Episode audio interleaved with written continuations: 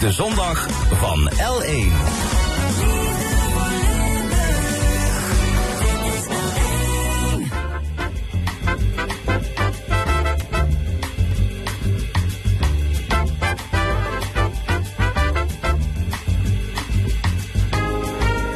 De stemming. Met Fons Geraerts en Paul Verstegen.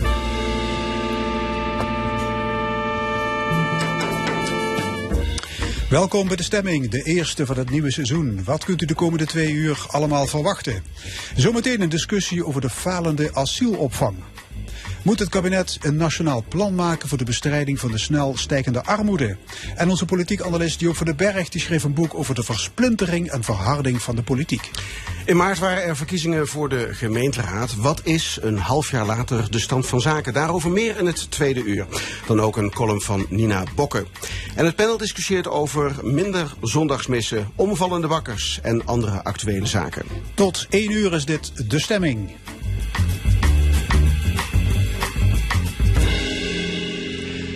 De opvang van asielzoekers is een complete chaos. Het kabinet heeft maatregelen aangekondigd, zoals een tijdelijke beperking van de gezinshereniging en een betere doorstroming van statushouders. Want al dus staatssecretaris Erik van der Burg tijdens het Kamerdebat van donderdag, de nood is hoog, er moet iets gebeuren. Binnen en buiten de coalitie lopen de meningen uiteen, van het moet strenger tot het moet humaner. Aan tafel Sebastian Vliegen, VVD-fractievoorzitter in Voerendaal... en Jos Smeets van de werkgroep Vluchtelingen in Valkenburg. Sebastian Vliegen, tevreden met het plan van aanpak zoals het er nu ligt? In het beginsel ja. Wij denken dat er nu door de Tweede Kamerfractie van ons, van de VVD... een grote stap is gezet in de huidige coalitie... waar, ja, wat net al gezegd werd, de meningen zeer uiteenlopen. Tegelijkertijd vinden wij wel dat dit een grote stap dus is voor de VVD-fractie... maar een te kleine stap voor onze gemeenschappen die overlopen gezien de energieprijzen, de kosten voor het dagelijks levensonderhoud. Overlopen in welke zin? Er komen te grote aantallen mensen op dit moment. Het is meer dan voorgaande jaren. En dat betekent gewoon dat we nu eerst lokaal onze eigen broek moeten ophouden en onze eigen problemen eerst moeten kunnen oplossen. En met deze instroomcijfers, ja, met de te grote aantrekkelijkheid van Nederland, ja, houden we dat niet tegen, gaan we dat niet inperken. U zegt dus gewoon, kabinet, we kunnen zoveel mensen niet herbergen. Helemaal correct. Um, dan, uh, meneer Vliegen, hoe kijkt u tegen de plannen zoals ze er nu liggen? Meneer Smeets. Meneer, meneer Smeets, sorry, ja, ja, excuus. Ja, het is één grote puinhoop. Dat zie je iedere dag opnieuw. En dan gaat mijn hart bloeden. En dan zeg ik, uh, doe er eens aan. En net zoals, denk ik, ieder mens zou doen als uh, op straat een ongeluk gebeurt, dan, dan help je. Dan ga je niet eerst discussiëren wie dat moet helpen en of het nou een gemeente Valkenburg of Voerendaal is, maar je doet iets. En dat vind ik nu ook. Je moet iets doen. En daarnaast vind ik zeer zeker moeten wij wereldwijd, daarom is het ook ons pas van wereldburgerschap, en we moeten wereldwijd proberen een oplossing te zoeken. En daarin laat de politiek ook uh, flinke steken vallen. Ja, maar als we dan even kijken naar lokaal niveau, uh, daar kunnen we eigenlijk makkelijk over praten vanuit jullie beide functies. Dan zegt meneer Vliegen, ja, we kunnen al die mensen helemaal niet verwerken. Dus een stop, zeg maar, op uh, de toevoer van asielzoekers. Nou, het gegoochel om cijfers, dat klopt ook van geen kant. Er zijn er nooit zoveel. Er zijn er dit jaar zelfs minder dan het uh, ooit geweest zijn. En de afgelopen jaren hebben we veel grotere pieken gehad. Uh, daarnaast is het de vraag, uh, ja, wie selecteert dan? Er zijn natuurlijk altijd, aan de ene noemt het landafvanders, de ander noemt het gelukszoekers, mensen die eigenlijk hier geen asiel moeten krijgen. Maar ook daar, vind ik, moeten er oplossingen voor komen. Ik uh, kom uit het onderwijs en uh, ik heb geleerd als docent lichamelijke opvoeding. Als je een klas mee wil krijgen, dan moet je vanaf het begin af aan duidelijk zijn in je regels. Uh, dan moet je problemen, zolang ze nog klein zijn, aanpakken. En niet, niet laten escaleren, want dan moet je je kinderen de klas uitsturen. En dat is het slechtste wat je als leraar wilt. En dat is nu misschien gek vergelijk, maar net hetzelfde. Ja. Um, ik hoor meneer Vlieger bij de heer Smees een paar punten. Um, hij zegt ja, die cijfers, daar moeten we niet mee gaan zitten goochelen. Um, ik hoorde van COA eerder deze week, die zei... het aantal vluchtelingen wat nu jaarlijks binnenkomt... dat verschilt niet zo gigantisch veel. Alleen door die beelden van Ter Apel krijgen we het beeld... dat we ze niet kunnen verwerken of dat het er meer zijn geworden. Maar dat is niet zo.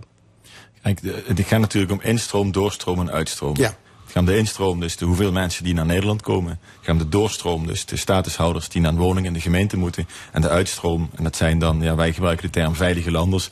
Mensen die uit een veilig land komen, die gewoon daar weer naartoe terug moeten. Maar het land neemt ze niet op. Dat is allemaal discussie. En daar ben ik het geheel met de heer Smeets eens. Het moet in Den Haag opgelost worden. Het is gewoon tijd voor politieke keuzes.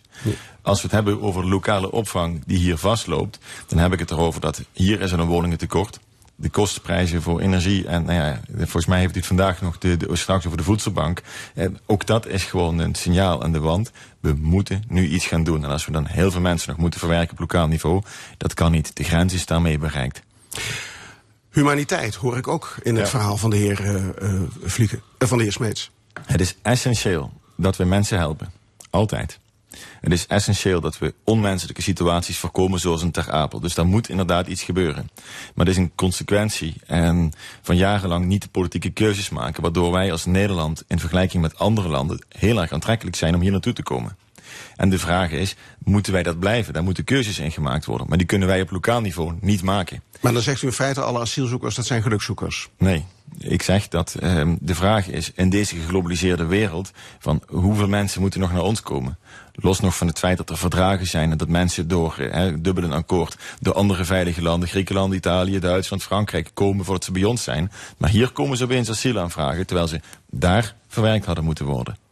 Dat kan niet. Wij, wij, hebben geen buitengrens meer van EU in feite. Behalve dan dat wij natuurlijk de haven en, uh, en uh, de luchtvaart hebben. Wat zou er dan wat u betreft moeten gebeuren? Ja, ik denk dat men in Den Haag gewoon eens het besluit moet nemen voor de toekomst. Van wat willen wij nog? Hoeveel mensen willen we opvangen? Willen we mensen helpen, humaan? Uiteraard willen we dat. Maar moeten we dat hier doen of opvangende regio? Moet daar iets worden aangepakt? Ja. Jos Smeets, u heeft met uw werkgroep in Valkenburg een aantal vluchtelingen opgevangen een tijdje. Ja. Hoe ging dat? We zijn er al lang mee bezig, laat ik dat vooropstellen. Uh, toen er uh, 250 uh, Oekraïense mensen naar Valkenburg kwamen, hebben we ook onze uh, deuren wijd opgezet. Ik heb er zelf uh, twee dames en uh, drie kinderen in mijn huis opgevangen. Ben met mijn zoon op een logeerkamertje verbleven gedurende vier maanden en dat viel best goed. En zo zijn er heel snel simpele kleine oplossingen bezig. Nog steeds hebben wij heel goed contact wekelijks met uh, Oekraïnse uh, mensen. Die zitten bij ons in Valkenburg in drie locaties aan. We hebben momenteel de provinciale doorgeeflocatie, Hotel Vu. Mensen van Oekraïne die dagelijks komen, die komen daar terecht. In plaats van vroeger het MEC en worden van daaruit over de provincie verdeeld. Wij proberen daar op kleine schaal ook in te helpen. Dan het was uh, drie weken geleden dat ik een telefoontje kreeg van de gemeente Josse. Daar komen uh, uit Ter Apel, we kenden net de beelden toen, uh, komen 80 mensen komen in Valkenburg, kunnen jullie helpen? Nou, uh, zondag stonden wij met 12 mensen stapelbedjes neer te zetten. hebben de sport al, en dat deed mij pijn als docent lichamelijk van. Ik het laatste wat je moet doen. En sport al onttrekken aan de gemeenschap. Er zijn andere oplossingen. Maar goed, dat was een noodsituatie. Daar hebben we volledig meegewerkt. En de volgende vraag is, wat gaan die mensen eigenlijk doen als ze hier komen? En toen hebben wij gezorgd dat er dus buiten het uh, bed, bad en brood, en dat is perfect geregeld, moet ik zeggen, dat doet veiligheidsregio samen met COA en nog een veiligheidsdienst, dat is heel goed geregeld.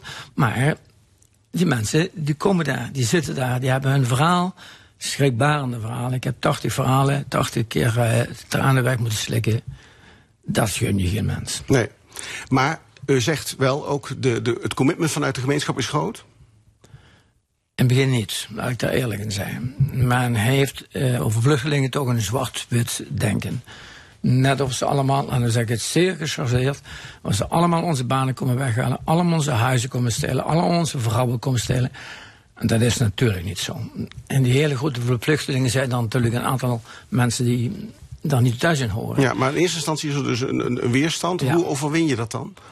Daarom pleit ik voor een heel kleinschalig opvang in de gemeenschap. Niet in een asielcentrum ergens ver weg staan, uh, in de rand van het dorp, waar de mensen uh, ja, de weg moeten zoeken door donkere bossen, uh, wat toch al heel luguber is.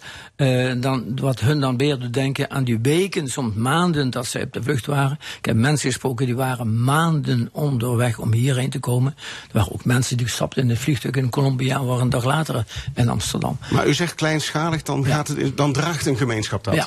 Ik heb er nog, uh, we zijn nu nog met onze gemeente in uh, gesprek om te zeggen, nou, we hebben een paar opties. Uh, de Polvermolen, daar is nog plaats. We hebben nog een paar scholen leeg, in Valkenburg. Maar nu, einde van het seizoen, zijn er eventueel ook hotels. En eventueel bij mensen thuis, wat bij de Oekraïners ruimschalig gedaan werd. Ook met in het begin misschien een beetje te optimistisch, want het valt niet mee om in je eigen huis opeens plotseling een paar mensen uit een heel andere cultuur, met een heel andere taal eh, te moeten uitvestigen. Ja. Zoals een vliegen, het sluit een beetje aan bij een verhaal wat ik gisteren in de Limburger zag van uh, Carolus Gruters van de Radboud Universiteit. Die zegt als alle 344 gemeentes in ons land een paar asielzoekers uh, onderbrengen, dan is er niks aan de hand en dan is er draagvlak. Is dat wellicht de sleutel? Wat ik het grootste moeite hiermee heb, is dat dit van top-down zo'n idee op alle gemeentes wordt geduwd. Waarom? Om, waarom ik daar zo moeite mee heb? Heel simpel. Wij zijn gekozen als lokale volksvertegenwoordigers, als gemeenteraden, om namens onze inwoners voor onze gemeente de beste besluiten te nemen. Opvang van asielzoekers is iets wat ons aan het hart gaat. Is onze verantwoordelijkheid, is ons mandaat. Nu verloopt alles, en ik hoor de heer Smeets ook zeggen, via veiligheidsregio's en andere zaken, die zijn opgericht voor acute crisis- en rampenbestrijding, voor overstromingen en andere zaken. Dat is hun pakje aan, daar moeten zij mee bezig zijn. Ik heb ehm, in Drieberg op de VVD-sessies, waar Erik van der Burg en Ruben Brekemans uitleg kwamen geven over de zogenaamde asieldeal, heb ik een de staatssecretaris gevraagd, luister, alle communicatie verloopt nu met burgemeesters. Het verloopt nu met colleges. Het verloopt nu met veiligheidsberaad en veiligheidsregio's. De ene groep die, er, die erover gaat, die het mandaat heeft, die er namens de inwoners zit, dat is de gemeenteraad. Die wordt overgeslagen. Ik heb gezegd, stuur nu gewoon eens een brief naar al die gemeenteraden met het verzoek, hé, hey, we hebben landelijk geen keuzes gemaakt of wat dan ook. Hoeft niet zo scherp, zal het ook zeker niet zo worden. Maar we hebben een probleem willen jullie ons helpen met wat mensen op te vangen. En dat is de oplossing die de heer um, uh, Smeets heeft, is toch niet zo gek? Maar het hoeft toch niet verplicht te worden. Je kunt het gewoon stellen. En als iedereen, als de heer Smeets er zo in zit, kunnen we tienvoudige opvangen blijkbaar. Maar het gaat erom of, het, of er een bereidheid is. En ik proef die bereidheid bij u niet. De bereidheid bij mij om op te vangen? Nou, ik vind dat wij daar als gemeenteraad daar het besluit moeten nemen. Daar kan de bereidheid eh, gewoon aangetoond worden. Het gaat toch niet erom dat wij hier nu de bereidheid aantonen. Ook in Voerendaal werken we meer in noodopvang. Ook in Voerendaal zijn er initiatieven vanuit de gemeenschap... om op het uh, voetbalveld Ransdaal Oekraïners op te vangen. Dus dat loopt er gewoon. Maar nog een keer, als alle gemeentes in ons land bereid zouden zijn om een aantal asielzoekers op te vangen, dan is het een kleine groep. Dan is het draagvlak er veel meer dan dat er nu, wat ook uh, door de heer uh, Gutters wordt gezegd in zijn artikel. Ja, uh, er zijn opvanglocaties waar, zeg maar, bij wijze van spreken de opvanglocatie een derde bevat van de, de totale bevolking van de plekken waar ze zitten. En dat is een lastige. Nee, daar ben ik hier mee eens. Allee, daar zijn we het allemaal mee eens.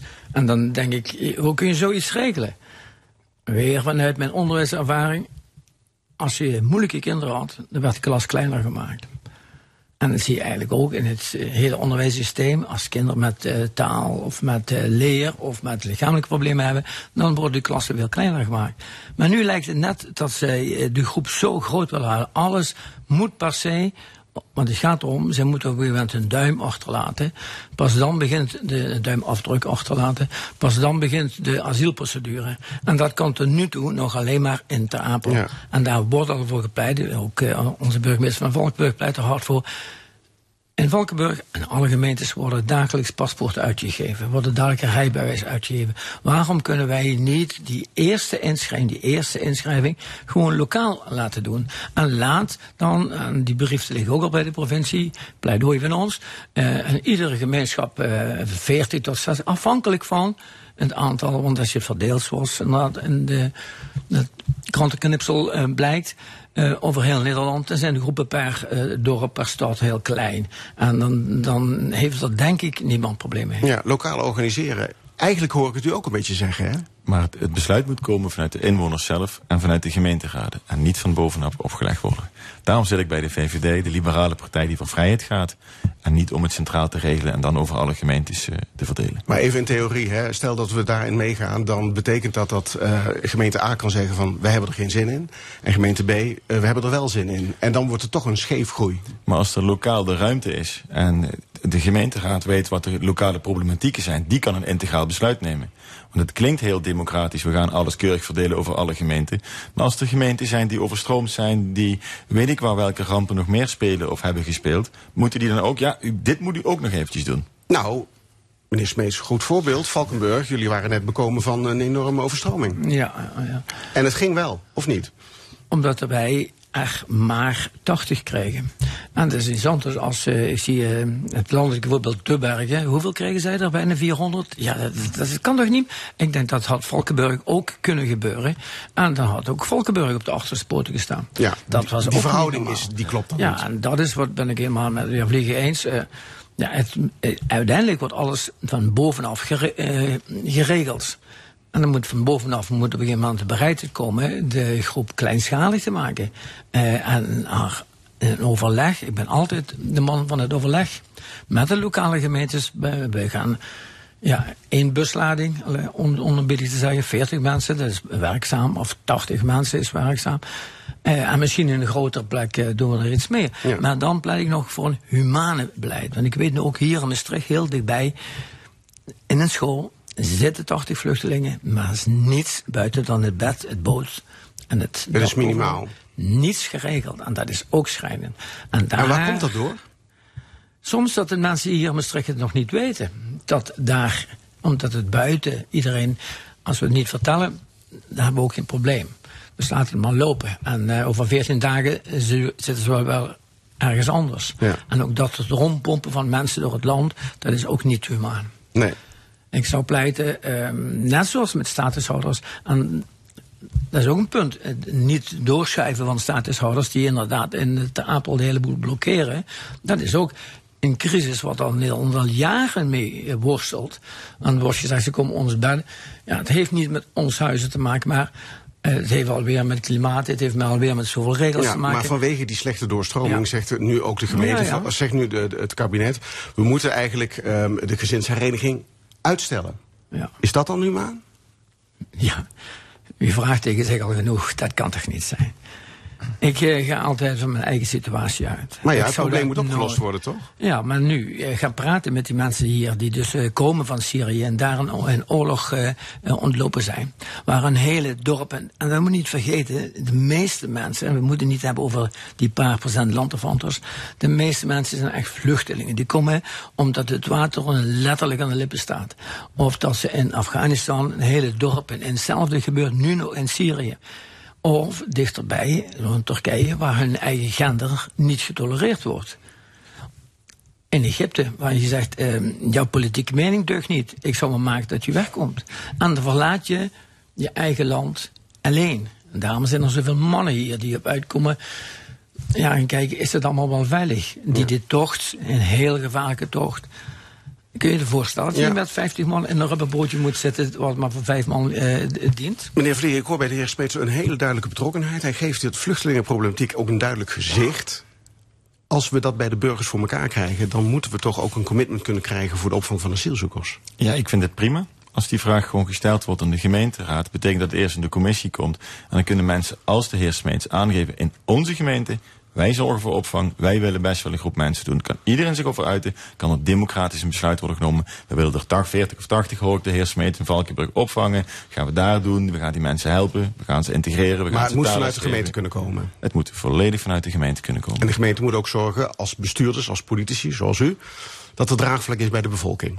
Ehm, volgens mij werkt het andersom. Hè. De, de gemeenschap geeft zelf aan wat het is. Wij vertolken de, de mening van de gemeenschap. Wij gaan daarna op zoek. Of wij moeten zorgen voor draagvlak, dat weet ik niet. Want wij vertegenwoordigen de mening van de bevolking zelf, die nu alles meemaakt. Maar draagvlak is wel de cruciale zaak in deze. Draagvlak is exact de cruciale zaak. We hebben net gehoord, inderdaad, het humane proces, noemen we het eventjes, rond de vluchtelingen. Maar als we nu bij Ter Apel gaan kijken naar de ondernemers die daar te maken hebben met draaideurcriminelen die daar binnenlopen, dat is natuurlijk de andere kant. Als men ook hier, ook in de grote steden hier, ook in onze dorpen rondloopt, en er zijn nog steeds mensen met schulden bij mensenhandelaren, dat is de andere kant van het verhaal van de heer Smeet. En ook daar hebben we mee te maken. En lokaal moeten we daar een afweging in maken. Sebastian Vliegen, fractievoorzitter van de VVD in Voerendaal... en Jos Smeets van de Werkgroep Vluchtelingen in Valkenburg. Dank voor jullie komst naar de stemming. Zometeen naar de stemming aandacht voor de recordinflatie. De stijgende prijzen brengen veel mensen in grote financiële nood. Eerst de Beach Boys.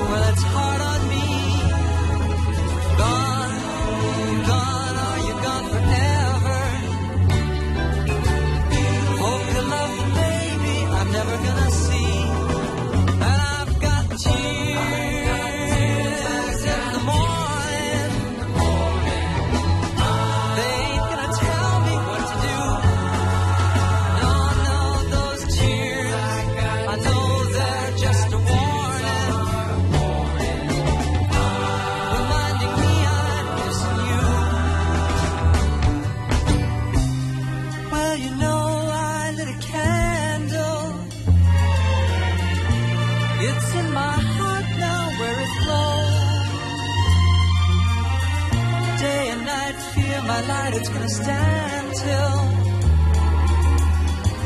my heart believes in what you chose. I won't let nobody carry this load for me.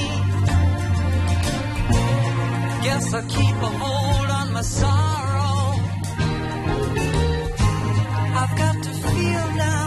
That you see.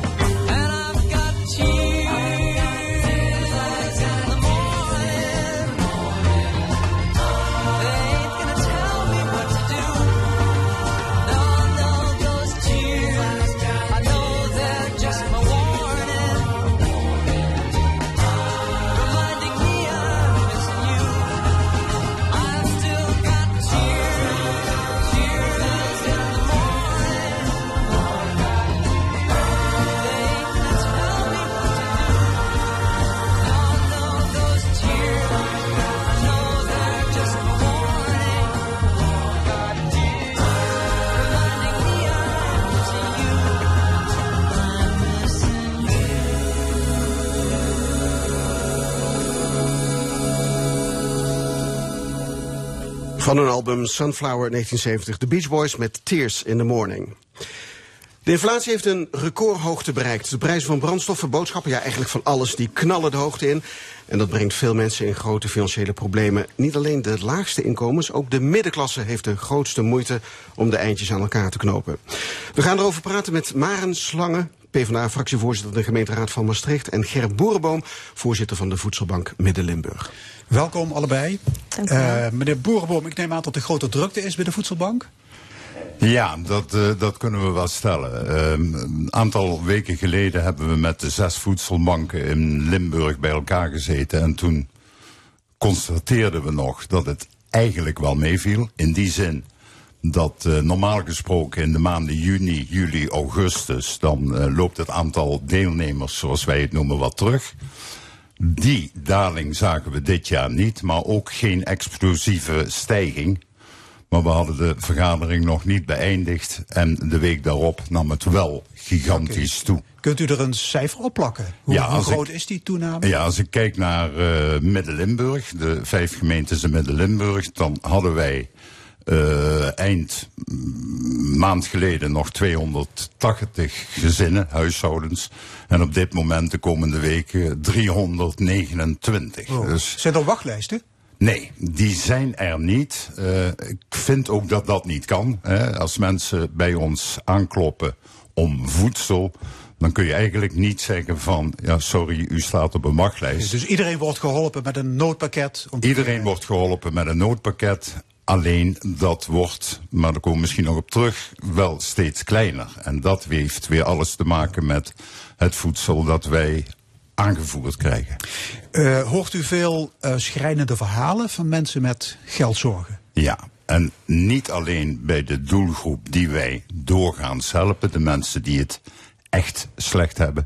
Maar we zien nu ook groepen mensen, eh, mensen die een baan hebben, mensen die eh, eh, eh, ja, modaal inkomen hebben, dat ze ja, door de sterk verhoogde energieprijzen gigantisch in de problemen komen. Heeft u het eerder zo meegemaakt? Nee, nog nooit.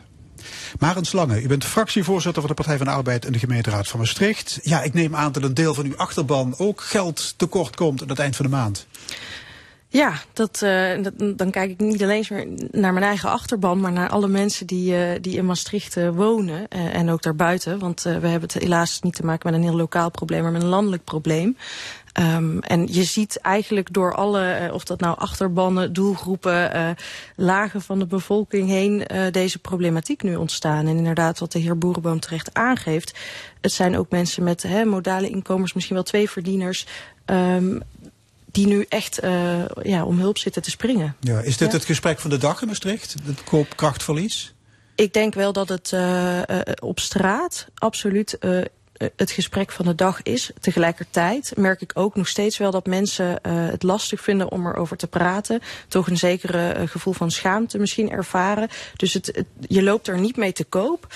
Eh, maar tegen, ja, omdat het steeds meer mensen raakt, ook mensen van andere eh, eh, inkomensgroepen, om het zo maar te definiëren, zie je wel dat het absoluut zowel op straat als ook in de politiek echt onderwerp van gesprek Ja, het is ook een groot thema binnen uw partij, want Ja, hier is toch is- de sociaaldemocratie voor opgericht. Ja, het is absoluut een groot thema binnen mijn partij. Ik zie het gelukkig ook bij andere partijen een groot thema zijn. Ehm, dat is ook waarom we natuurlijk samen met eh, GroenLinks eh de brief hebben geschreven een aantal weken geleden. Ehm, dit gaat ook voorbij partijgrenzen. Dit moet iets zijn wat we ons allemaal aantrekken. Hè? In het vorige gesprek ging het ook al over de rol van volksvertegenwoordiger zijn. Wat betekent dat nu? Ja, ik vind eigenlijk buiten je politieke hokje als volksvertegenwoordiger dat als er steeds meer mensen in jouw gemeente in de kou komen te staan, dan, dan gaat je dat altijd aan. Het zijn vooral de prijzen van gas, elektriciteit Ja. en benzine die de pan uitreizen. Maar Ja. ook de boodschappen, de, de kapper, meubels. Ja, eigenlijk alles, hè, meneer Boerenboom. Ja, het is het, is het hele pakket. eh, Ja. ja. kijk maar om je heen. Het is Ga, alles ga maar wordt eens veel op het terras zitten met vier man en je, je krijgt de rekening. Ja, nou, dan, dan schrik je. En wij, ik verkeer nog in de situatie dat ik nog een terrasje kan pikken. Maar de mensen die op terrassen zitten, dat zijn niet de mensen meer die eh, eh, bij ons deelnemer zijn. Want die hoeven daar helemaal niet aan te denken. Ja, jullie zeiden er straks, het zijn niet alleen de minima die in de kanaal komen, maar ook de middeninkomens. Ja. Hoe verontrustend is dat? Ik vind dat ontzettend verontrustend, omdat dat betekent dat ehm, allerlei eh, regelingen, maar ook compensaties binnen eh, lokaal, maar ook landelijk armoedebeleid, die zich tot nu toe eh, richten op die eh, minimagroep. Die moet je nu eigenlijk gaan uitbreiden naar een andere doelgroep. Dat betekent dus dat er veel meer eh, steun nodig is Dat op gaat het allerlei kabinet vlakken. miljarden kosten. Dat gaat heel veel geld kosten, maar het is wel nodig. Ja. Oké. Want we kunnen natuurlijk niet alleen maar zeggen, nou we doen het voor een bepaalde groep eh, wel. En zit u daarboven, ja pech gehad. Nee, die mensen krijgen het nu ook heel erg zwaar. Dus ja, je u zei deze week tegen mij, het kan in feite ook iedereen raken. Ja, Zelfs kan. mensen in mijn gemeenteraad. Wie, wie weet? Ja, wie weet. Ehm, het kan inderdaad iedereen raken. Hè. Ik, ik zie het ook om me heen. Ik ben dan zelf eh, 30 jaar en ik zie het ook om mij heen in mijn eh, vriendengroep, kennissenkring. Dat we ons wel echt ook zorgen beginnen te maken van goh, eh, deze winter komen we misschien goed door. Hè, doordat we in staat zijn om, alle, om zelf wat dingetjes eh, te bedenken. Ehm, maar je gaat wel met, met elkaar ook kijken van hey, hoe raakt het jou en hoe raakt het, eh, hoe raakt het de ander. En het komt dus in die zin heel dichtbij. Ik wil, ik, misschien mag ik nog bij- jou iets aan, toevoegen. Voerenboom, Voedselbank Midden-Limburg. Ja, wij, we, we hebben het over inkomensgroepen die ons benaderen. Waar ik bang voor ben dat er, dat er één inkomensgroep is, één groep mensen is die ons nog steeds niet benaderen. En dat zijn ouderen. Ik, ik ben ervan overtuigd dat er onder oudere mensen die een klein een AOW hebben en een klein aanvullend pensioen, dat die ook de grootste problemen hebben. Alleen, ik heb daar wel eens met oudere bonden over gesproken en die geven ook aan dat is een groep mensen die hun hele leven hun eigen boontjes gedopt hebben en gedacht hebben, nee, er is zoveel schaamte en schroom te overwinnen. Die gaan niet gauw naar een voedselbank. Ik zou ook die mensen willen oproepen. Als je in de problemen bent, kom dan, meld je. Want zeker. Maar, daar maar ook, zit ik heb begrepen dat ook heel veel jongeren in de, in de penarie zitten. Want Ja. die hebben namelijk geen spaargeld. Ja. En ouderen vaak wel. Ook niet altijd natuurlijk. Ook niet altijd. Nee, precies. Waar komt die eh, recordinflatie vandaan? Hebben dat te maken aan Poetin en zijn oorlog in de Oekraïne? Ja, het is natuurlijk heel verleidelijk om, eh, om alleen maar in de richting van Poetin te wijzen. Nee, het heeft natuurlijk met, met meerdere zaken te maken. Ehm, ook eh, jarenlang eh, beleid waarvan je zou kunnen zeggen... Goh, heeft dat niet nu bijgedragen aan het feit hè, dat we er zo voor staan... Als je bijvoorbeeld kijkt, als je het hebt over de energiecrisis, hè, de stijgende energieprijzen.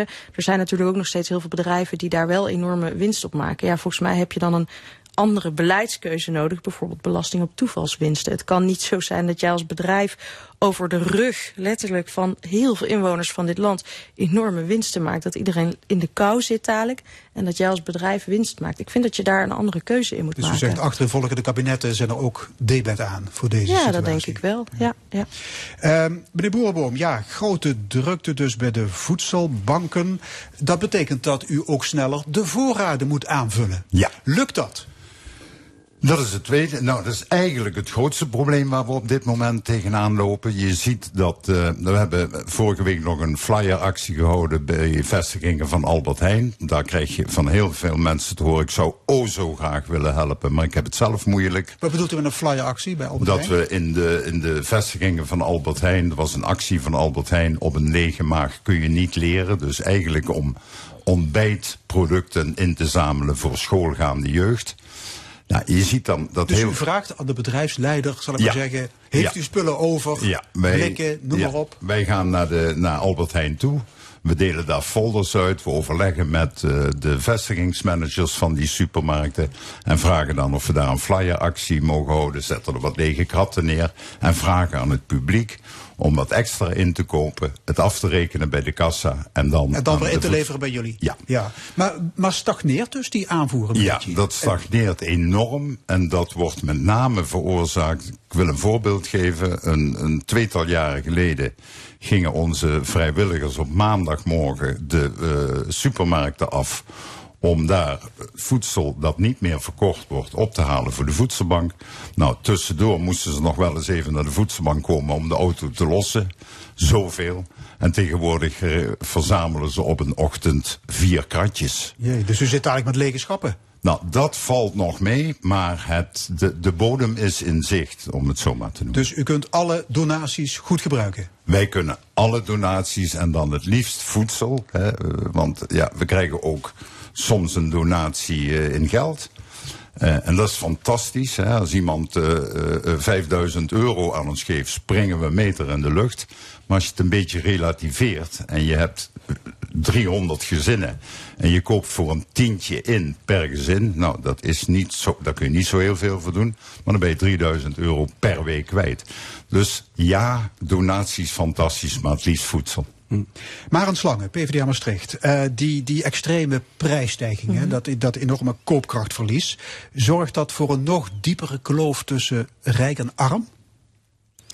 En zo ja, waar, waar gaat dit naartoe? Het zorgt absoluut voor een diepere kloof. Ik zou bijna niet meer willen spreken van rijk en arm. Want ik weet dan niet hoe ik arm zou moeten definiëren. Als je ziet dat hè, wat, wat er nu speelt steeds meer eh, inkomensgroepen raakt... Dan, eh, dan zou dat eh, betekenen in deze tegenstelling... dat je dus veel meer arme mensen krijgt. Ehm, ik heb het liever, ik kijk liever naar mensen in de samenleving uh, die uh, je op allerlei andere manieren uh, in, een, in een hokje zou kunnen stoppen. Maar je ziet wel dat um, door wat er nu speelt, de verschillen steeds groter worden in wat mensen uh, kunnen. En als je dan bijvoorbeeld kijkt naar kinderen, hè, dus kinderen in een gezin die zelf uh, minderjarig zijn, dus zelf ook nog niet uh, echt toch wel afhankelijk zijn van de ouders, um, die verschillen worden echt heel groot. En dat komt natuurlijk in een schoolklas samen. Daar zie je gewoon hoe groot die verschillen zijn.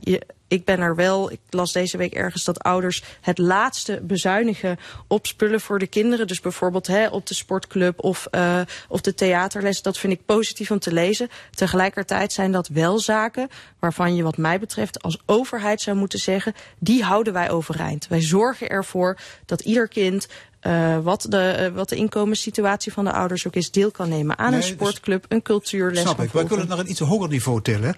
Uh, krijgen we nog meer polarisatie in de samenleving? Of leidt dit juist tot meer solidariteit? Ja, dat is goed dat u dat vraagt. Ik had het daar deze week met iemand over en toen zei ik... ja, misschien leidt het wel tot uh, meer solidariteit... omdat nu uh, steeds uh, meer mensen, dus een bredere doelgroep... last heeft van deze koopkrachtdaling en van de crisis. Dus meer mensen worden geraakt. Dat leidt misschien ook tot meer begrip of je beter in een ander kunt verplaatsen. Dus waar dat eerst nog een heel ver van je bedshow was, hè, dat je inderdaad niet meer op dat terras kon zitten, uh, raakt dat jou misschien nu ook. Daar zou je kunnen zien dat er meer solidariteit ontstaat. Tegelijkertijd maak ik me wel ernstig zorgen over de polarisatie. En waar ik me eigenlijk nog meer zorgen over maak, is het feit dat, en dan kijk ik ook met name naar bijvoorbeeld de doelgroep van ouderen, mensen die alleen wonen, door deze crisis ook heel veel dingen niet meer kunnen doen en daardoor uh, in de eenzaamheid dreigen mm -hmm. te raken.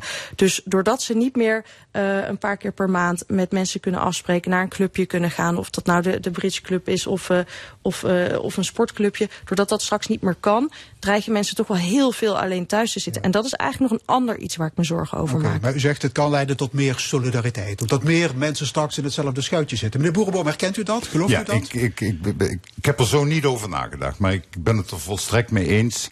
En ik hoop het ook van harte dat mensen, dat, dat die solidariteit er komt, dat we eh, gaan geven om de mensen die het heel erg moeilijk hebben. Ja. Ja. Nu kwam het kabinet onlangs met crisisbeleid. eh, een plan voor herstel van de koopkracht voor miljoenen huishoudens. Dat gaat 15 miljard euro kosten. Tevreden met dat pakket? Ja, ik, ja, tevreden. Ik zal een paar dingen noemen. Minimumloon stijgt met 10%. De zorg en de huurtoeslag gaat omhoog. Inkomsten, inkomstenbelasting omlaag. Dat zijn structurele maatregelen. Ja. Toch? Alleen vind ik het zo jammer dat eh, we hebben het dan over per een, met ingang van 1 januari 2023. En dan lees ik ergens, en ik hoop dat het niet waar is, maar het zal wel, dat dat dit jaar nog niet kan. ja, Rutte omdat- zegt, wacht nou af op Prinsjesdag. Misschien zit er nog iets in het vat. Ja, ja, en de ICT-problemen die we in dit land hebben, die... we het dan niet over hebben. Nee, precies. Maar eh, laten we wel zijn, 15 miljard is heel veel geld.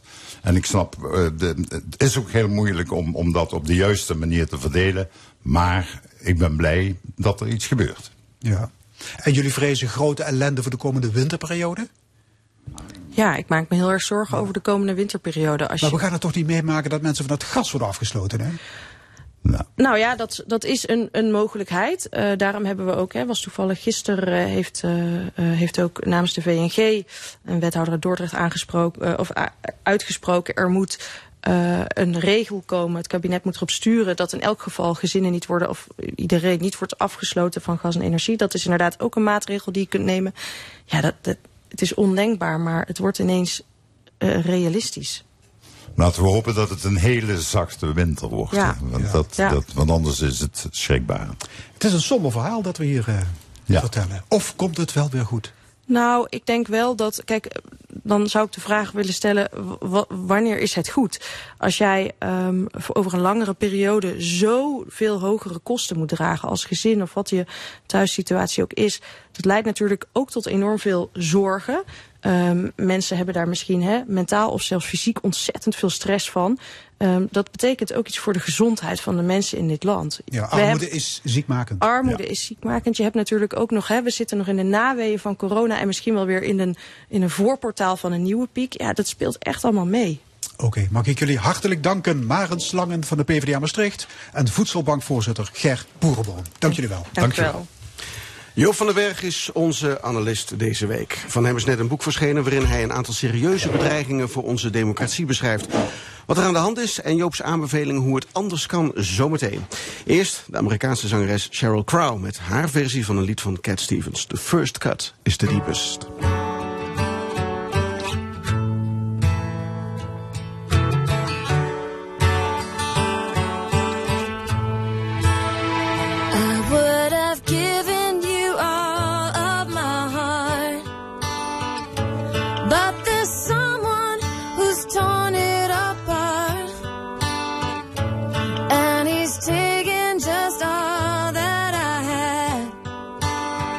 If you wanna try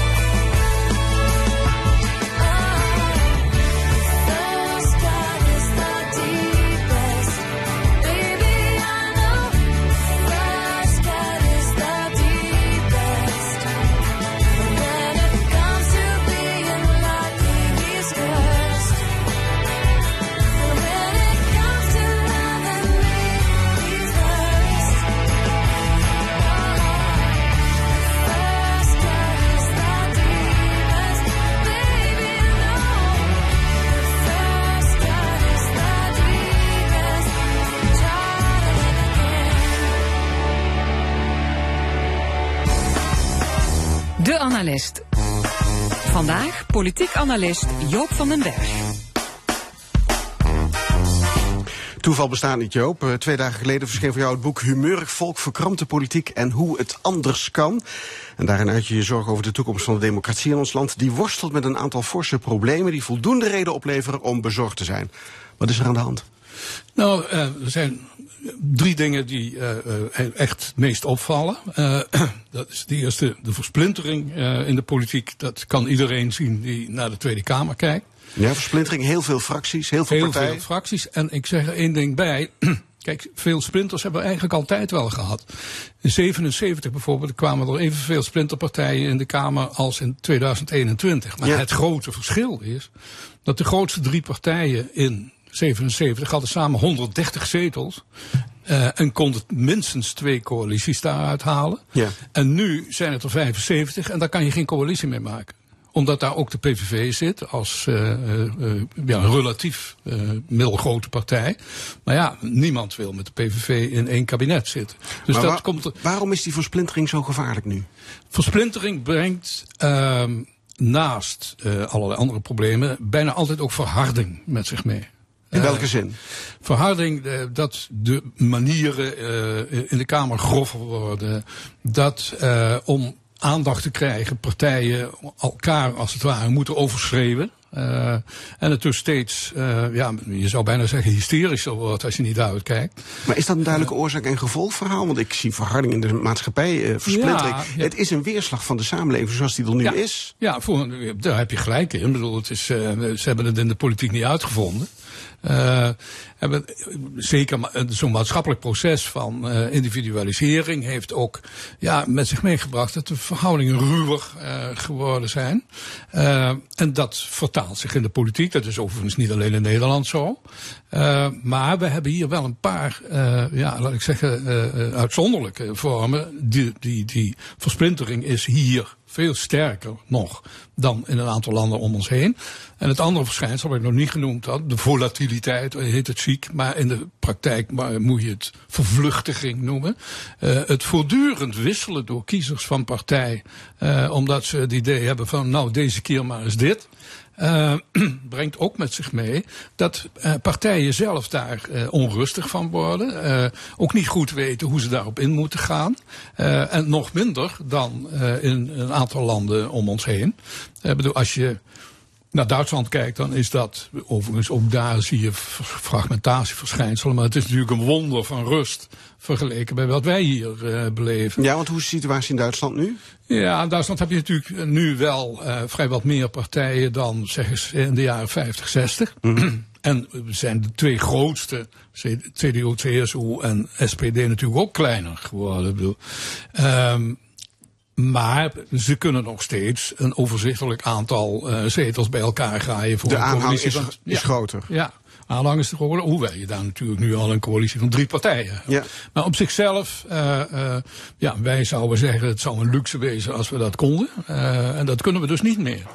Ehm, eh, en wat je daarvan moet zeggen is dat het bij elkaar de verhoudingen dus verruwt. Uh, uh, het is ook moeilijker om uh, een beetje stabiele coalities te vormen. De coalitie die er nu zit is een voortzetting van de vorige. Maar de vorige heeft het voornamelijk gered dankzij corona, gek genoeg. Want het, het, ze hingen ook al onder aan het paard. Maar uh, op een gegeven moment door die corona ja, werden uh, partijen bij elkaar gebracht en gedwongen ongeveer. Uh, nu zie je die coalitie eigenlijk het veel moeilijker hebben. En ja, je moet dus, dus afvragen of die überhaupt het einde haalt. Ja. Corona, was... corona hield de politiek bij elkaar, sorry dat ik onderbreek. Maar aan nee. de andere kant zie je nu bijvoorbeeld een oorlog in Oekraïne. En de, mm -hmm. de, de, de dreigende crisis die we hebben uh, economisch gezien. Ja. Dat brengt de partijen niet bij elkaar. Of zouden ze bij elkaar gebracht kunnen worden? Nou ja, misschien dat het zou kunnen, maar het helpt niet erg. Uh, daarvoor, dat valt mij in, in de Kamer op, is het besef van urgentie. Van in Europa is de oorlog terug. Uh, nog steeds niet te vinden. Uh, het is kennelijk nog steeds redelijk ver weg. En wij vangen toch keurig Oekraïners op. Dat doen we ook. Ik bedoel, er is geen uh, twijfel over. Maar dat het uh, op allerlei manieren ons gaat treffen. Ja, je ziet het nu al. met, de oorlog staat op de drempel in feite. Ja, precies. Hè. Ik bedoel, het is niet alleen een militair conflict. Maar het is ook een energieconflict. Nou, daar krijgen we de trekken van thuis. en Uh, daar zie je ook dat uh, uh, een kabinet reuze zijn best doet, maar toch redelijk onthand zit met het probleem. Waarnaast dan nog een aantal andere problemen zijn, zoals de stikstofcrisis, klimaat, aanpassing enzovoort. En die um, grote problemen die door een versplinterde groep moeten behandeld worden. Ja, in feite wel. En waar je ook ziet, dat merk je nu bijvoorbeeld met het migratieprobleem waar uh, staatssecretaris Van der Burg afgelopen week over uh, verantwoording moest afleggen. Dat je ziet dat de coalitie wel min of meer bij elkaar kruipt, maar ook steunend en kreunend. Maar de oppositie, er is geen oppositie die een alternatief heeft. En dat houdt ze uh, eigenlijk nog het meeste bij elkaar. En het is of links of rechts, maar dat is allemaal heel fragmentarisch en heel klein eigenlijk.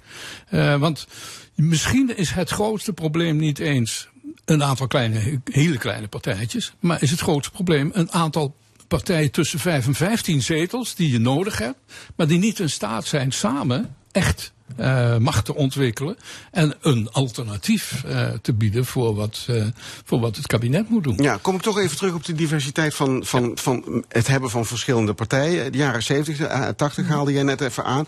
Daar had je toch ook een, een enorm palet, KVP, PvdA, VVD en een boerenpartij, PPR, ARP, Communistische ja. Partij, D66, DS70. Mm. GPV? Ja, nee, variëteit hebben we altijd gehad. Daar, uh, daar ligt het niet aan. Uh, maar die partijen stonden wat jou betreft voor meer of hadden het voordeel dat er toch nog een grote een groter geheel boven hing in de vorm van de katholieken en ja, de socialisten. In het had je natuurlijk uh, ook, uh, toen het CDA er nog niet was, mm. had je een vaste samenwerking van KVP, ARP en CAU. Ik bedoel, die hielden elkaars handjes vast. Uh, en vormden als het ware ook bijna de kern van, van, van de macht in het parlement.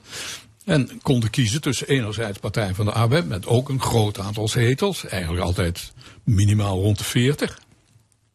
VVD die wel kleiner was, maar vaak groot genoeg om er een coalitie mee te vormen. Ja. Dus uh, in, in de kern uh, had je toch met grote groepen en stromingen uh, te maken die uh, ook wisten hoe ze met elkaar moesten omspringen.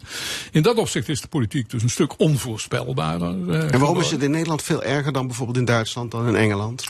Ik denk dat dat iets te maken heeft. in het boek heb ik het er niet zo over gehad, want ik, dat is een vraagstuk apart eigenlijk.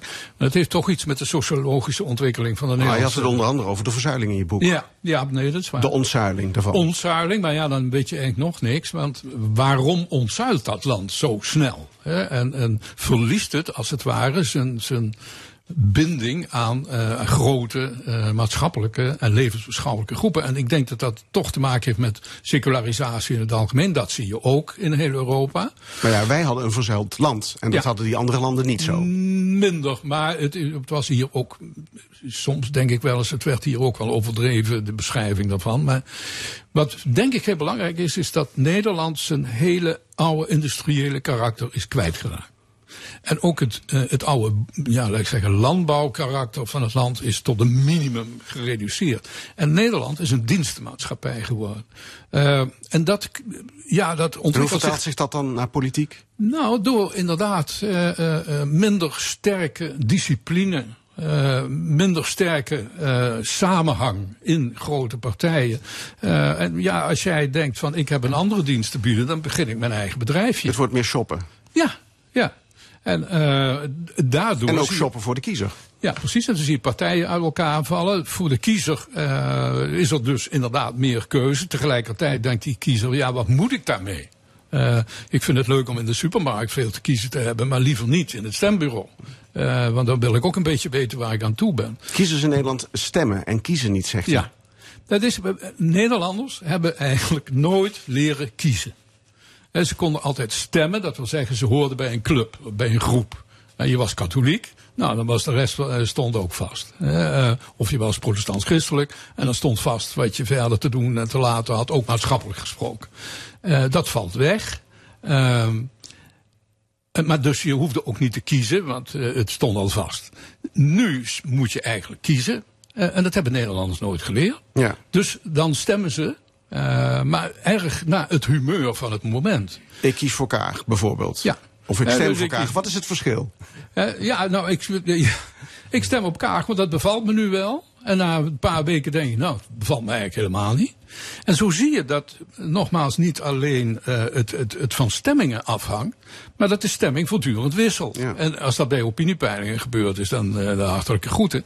Maar het betekent dus dat bij komende statenverkiezingen, die dus bepalend zijn voor de samenstelling van de Eerste Kamer, er weer een hele andere uitslag komt dan je in 2021 gezien hebt. Ja.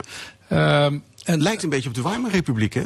De, de, de Ja. laatste democratie voordat Ja. Hitler aan de macht kwam. Het grote gevaar van eh, dit soort van versplintering is dat grote partijen wegvallen.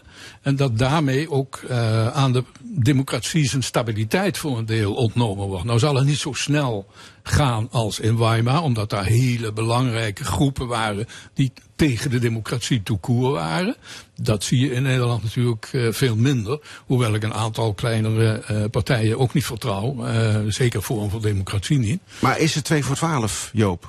Nee, dat is het niet. Eh, dat zou ik echt overdreven vinden. Maar er zijn een paar hele eh, riskante ontwikkelingen gaande. Die, waar je nu eh, inderdaad best het een en ander aan kan doen. Of ook door een aantal eh, ehm, regels in de Kamer te veranderen. Waardoor die beter gaat functioneren. Ja, regels in de Kamer, noem eens wat waardoor dit kan worden Nou aangepakt. ja, het, het gekke is, je ziet het, je hebt het afgelopen week zien gebeuren. Ehm, de, Kamer heeft ooit naast het reglement van orde een soort van code eh, zitten maken. Dat had ook in het reglement gekund, dus ik snap het nog steeds niet, maar goed. Eh, en daar hebben ze buitenstaanders bij gehaald en die moeten oordelen als eh, de Kamer denkt dat het eh, bij, eh, bij een fractie niet goed gaat. Of zoals Baudet, dat hij zijn inkomsten uit, eh, van boeken niet opgeeft. Nou, dan komt die commissie aan het werk. Die zei: nee, dat mag niet. Punt. Eh, berisping. Eh, maar hij trekt zich er een bal van aan.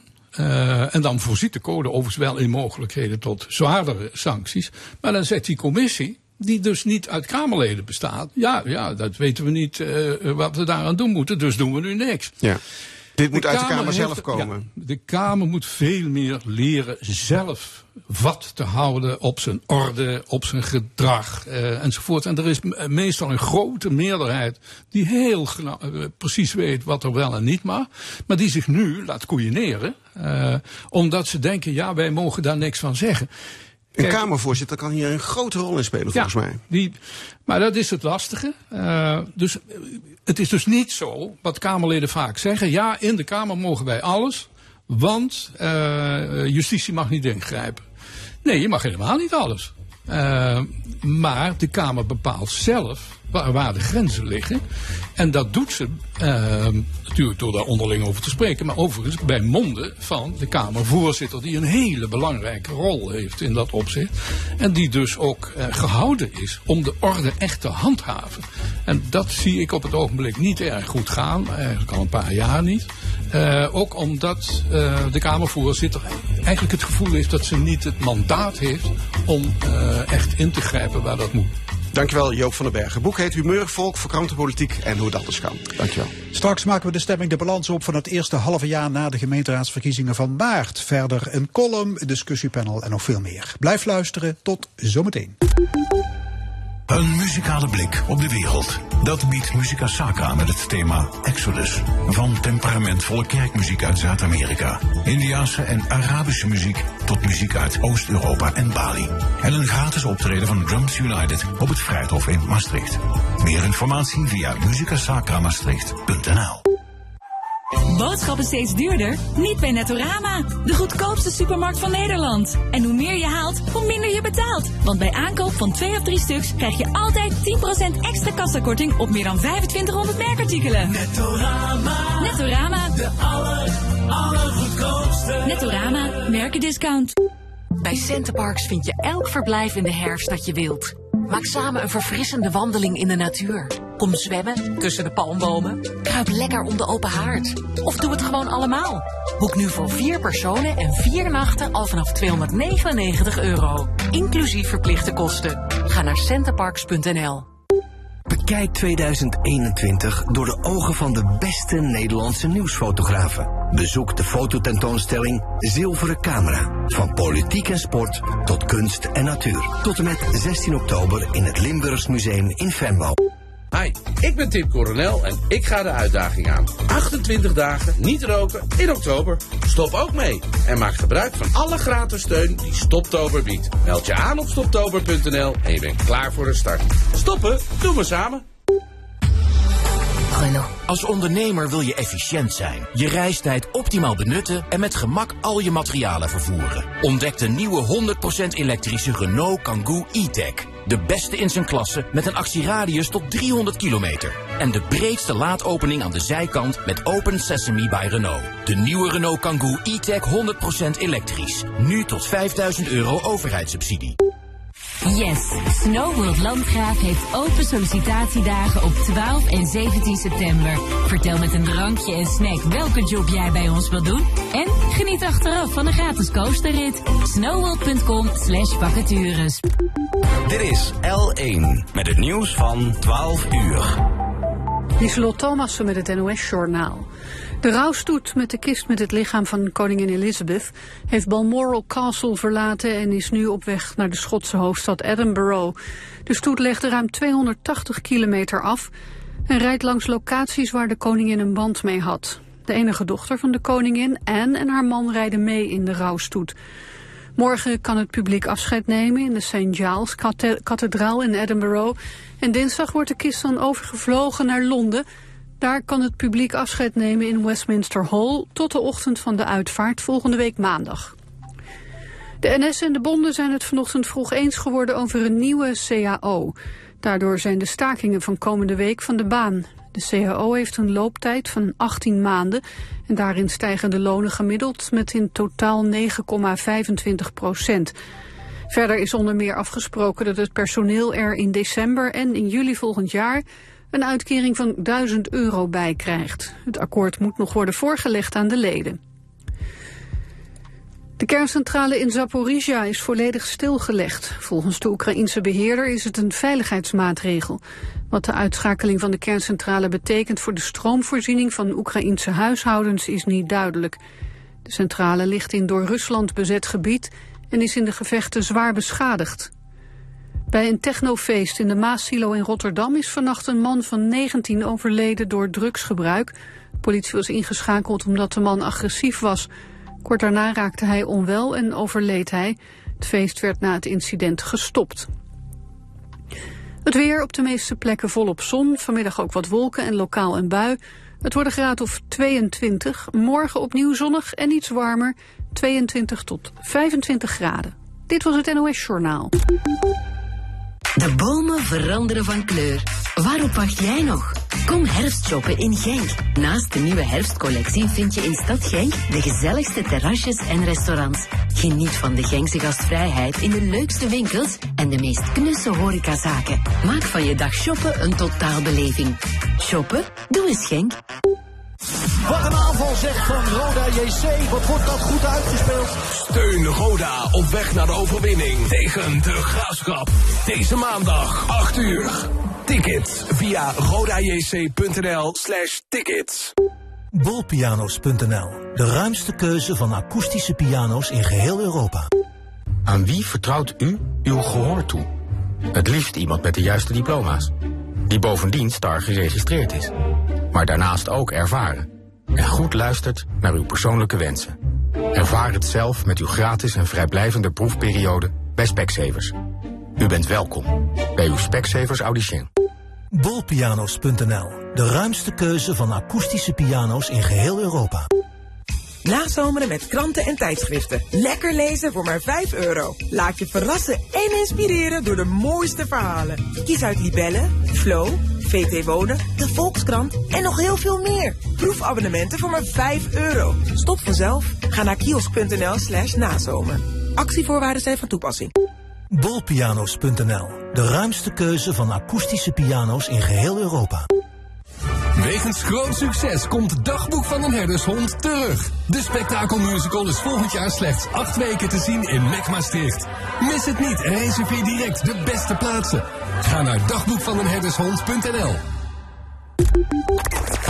Dit is de zondag van L1.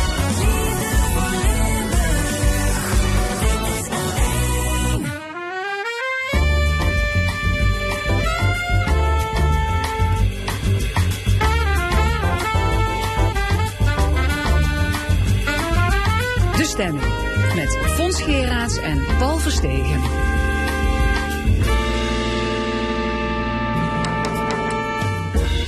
Goedemiddag, opnieuw welkom bij De Stemming, het interview- en discussieprogramma van L1 Radio.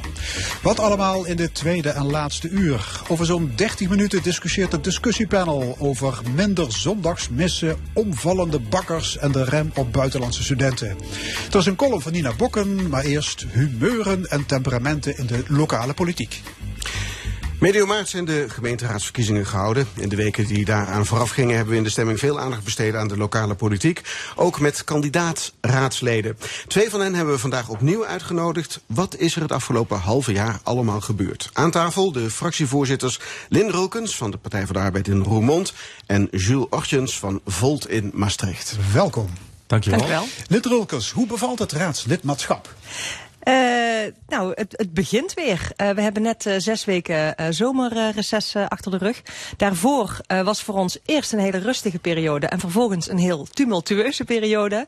Dus nu voelt het weer eigenlijk als een nieuw begin. Ja, maar nog geen spijt dat je erin bent Absoluut gestapt? niet. Nee. Nee. Wat is u opgevallen in dat eerste halve jaar? Eh, dat ik nog heel veel te leren heb. Ja? Eh, ja, er is eh, eh, wat mij het meeste opvalt, iedere dag weer, is de enorme hoeveelheid informatie die je te verstouwen krijgt.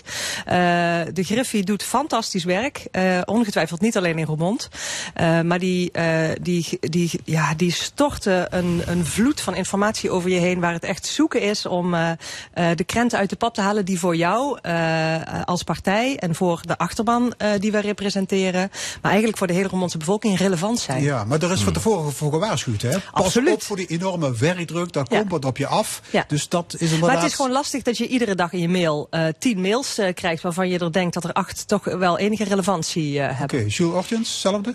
Ja, ik kan dat alleen maar onderschrijven. Eh, en één manier hoe wij er eh, proberen mee om te gaan. De delete-knop gebruiken. De delete-knop. Absoluut. Nou, ik, ik denk, nou, een, eigenlijk een hele belangrijke is ook toegeven. Eh, waar je ervaring eh, zit en waar je ervaring nog niet in zit. En om maar een voorbeeld te geven, PvdA is een partij die eh, veel ervaring heeft in, in sociale politiek in de afgelopen decennia. En dan gaan wij als Volt niet het wiel proberen uit te vinden eh, opnieuw. En dan contacteren we eh, PvdA-raadsleden en vragen we, hoe doen jullie dat? En hoe jullie dat, kijken ja. jullie dat tegenaan? U bent eh, student European Studies. Is die studie te combineren met het Ik ben- raadswerk? Ik ben inmiddels docent European Oh, Studies. docent, Dus er is al wat veranderd in het afgelopen half jaar. Maar is het Ja. combineren? Ja, ja, nu is het echt combineren. Eh, dat deed ik daarvoor ook. Alleen dan is dat financieel natuurlijk allemaal wat eh, moeilijker. Dus eh, in die zin is het, is het nu gemakkelijker geworden. Maar dat is natuurlijk wel jong leren. Dat moeten eigenlijk de meeste raadsleden doen. Waar was u op de avond van de uitslagendag? 16 maart, woensdagavond. Ik was in eh Café Forum, waar jullie normaal gesproken eh, zijn. Of in ieder geval voor de pandemie, geloof ik. Dat Ja, jullie daar, eh, 2,5 jaar geleden voor het laatst. Ah, oké. Ja, nou, wij, wij eh, ehm, huurden daar een, een ruimte daarboven eigenlijk al vanaf het begin van de campagne. Ja. Dus dat was een beetje ons officieus kantoor. En Wij zaten, bij de Griek, wij zaten bij de Griek. Eh, wij, de Griek? eh, ja, wij wilden de campagne eh, graag op een positieve manier afsluiten. Dus wij hebben met ongeveer eh, 20, 25 vrijwilligers, eh, leden van de Partij van de Arbeid, eh, samen gegeten eh, en gedronken. En daarna zijn we naar het gemeentehuis gegaan. hebben we en een feestje gevierd. vieren de zenuwen door je keel? In Ja, afwachting absoluut. van de allereerste exit polls? Absoluut. Eh, ik eh, zat daar niet relaxed aan tafel. Het was fijn om de campagne af te sluiten met elkaar. En het was gezellig. maar moeilijk eh, doorgesloten. Maar, eh, maar eh, ja, ja, ja, het, het, was een, eh, een rush, ja. Ja. U behaalde twee zetels van 0 naar 2. Hoe groot was de verrassing? Eh, gigantisch. Eh, we hadden gerekend op terugkomst. In, ons, in onze campagneambitie spraken we over we te- terug willen komen met drie zetels. Maar twee was een fantastische en is een fantastische overwinning. Ja. U heeft de PvdA zich in het hele land lichtjes hersteld? Of zegt u van, wij hebben gewoon in Roermond een voortreffelijke campagne gevoerd? Eh, nou, ik denk dat het nieuwe geluid dat wij als Partij van de Arbeid Roermond hebben laten horen met eh, nieuwe gezichten eh, absoluut extra effect heeft gehad. Oké. Eh, en met die twee zeteltjes, zeteltjes bent u erin geslaagd om in de coalitie te komen. Hè, jullie maken dat. deel uit van het college van BMW. Dat is knap werk. Ja, daar ben ik ook heel erg trots op. Ja. Eh, het was een eh, bijzondere periode in Roermond, want in eerste instantie waren wij niet uitgenodigd aan de onderhandelingstafel. En dat was een periode van totale stilte. Ook heel gek, na een enorm innoverende campagne zaten we aan de zijlijn. Totdat wij plots uitgenodigd werden toch aan die tafel deel te nemen. Eh, en zelfs eh, in die week eh, nadat we dat hoorden, eh, ook nog het CDA afviel. Waardoor we niet als vijfde wiel aan de wagen Mhm. aan tafel zaten, maar echt eh, als volwaardig partner. Waarom bent u als eh, lijsttrekker geen wethouder geworden? Nou, daar hadden wij al eh, voorafgaand aan eh, de verkiezingen eh, heel erg eh, nou, duidelijkheid eh, over gegeven. Eh, ik ben nieuw eh, in de raad. Ik heb nog geen eh, raadservaring. En wij hadden eh, op onze lijst eh, Felix van Ballengooi staan, die en al ervaring had als raadslid en al ervaring als wethouder. Ex-SP. Ook inderdaad, ex-SP. Maar als, eh, hij is eh, in uh, Sittard Geleen wethouder geworden voor de SP. Maar halverwege die periode overgestapt naar de Partij van de Arbeid. Dus hij had de ervaring als en raadslid en wethouder. Hij was de U perfecte dacht kandidaat. eerst het politieke handwerk leren is voordat ik als bestuurder op mijn, eh, op mijn bek ga. Ja. ja. Ook eh Nieuwkomer Volt scoorde twee zetels in Maastricht. Trouwens de enige Limburgse gemeente waar je überhaupt op Volt kon stemmen. Klopt. Eh, en jullie hadden op drie gerekend, hè? Dat was wel eh, het doel. Hè? Dat is in die zin weer een herkenbaar verhaal. Maar ja, uiteindelijk als je dan eh, in die avond in Café Forum staat te wachten op de uitslag... dan denk je, Wow. we willen erin komen. Ja. En dan is twee zetels natuurlijk geweldig. Ja. Want in maart speelde nog altijd de affaire Gundogan. Klopt. Klopt. Het Volt-Kamerlid dat werd beschuldigd van overschrijdend Ja. seksueel gedrag. Dat heeft jullie wel parten gespeeld, die, Dat- die hijsa eromheen. Dat zou kunnen. Eh, aan de andere kant eh, merkten wij dat wij een van de gemeentes waren in Nederland die het minst last hadden van dat, eh, van dat verhaal. Hoe weet je Ehm, dat? ehm, dit- dat hebben we eigenlijk op basis van peilingen en op basis van stemgedrag tijdens de nationale verkiezingen. Ja. Ik denk dat dat er wel mee te maken heeft, omdat wij een heel erg Maastrichts lokaal verhaal hadden. Aan de ene kant hebben we de campagne consistent in het Limburgs, in het Maastrichts gevoerd. En een ander deel van de campagne hebben we consistent in het Engels gevoerd, om ook die internationals die, die Maastricht rijk is, te betrekken bij de politiek. En zo hebben we wel echt een heel uniek Maastrichts eh, verhaal en een uniek Europees verhaal in Maastricht. Leg eh, nog eens uit waar Volt voor staat. Ehm, dat is natuurlijk eh, de enige echte Europese partij in Europa. Voor Maastricht en voor eigenlijk de meeste gemeentes in Limburg is dat een heel concreet verhaal natuurlijk. Omdat je een grensregio bent. En omdat je daarmee ook erkent dat je niet alleen ehm, moet erkennen dat veel problematiek hier grensproblematiek is.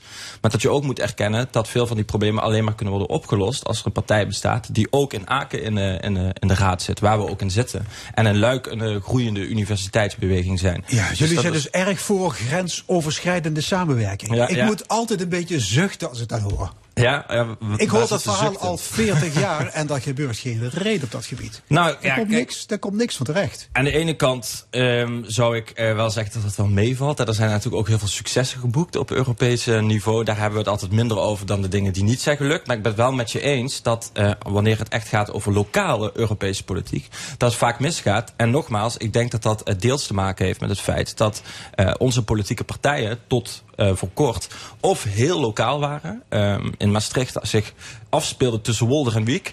Of heel landelijk waren en keken naar de Haagse politiek. Eh, je hebt ook een partij nodig die, eh, die echt over de grenzen heen kijkt en bestaat over de grenzen. Ja, maar nu is die tramlijn Maastricht, Hasselt, eh, ja, Hasselt-Maastricht, die is wel afgeblazen. Ja. De Intercity Maastricht, Luik, Aken, dat is ook op vars.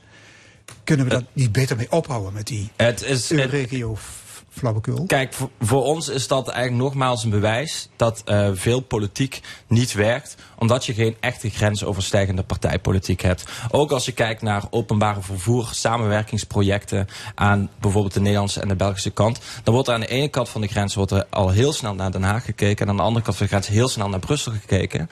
Ehm, omdat dat hun vertrouwensbanden zijn. Omdat daar het politieke netwerk zit. Ja.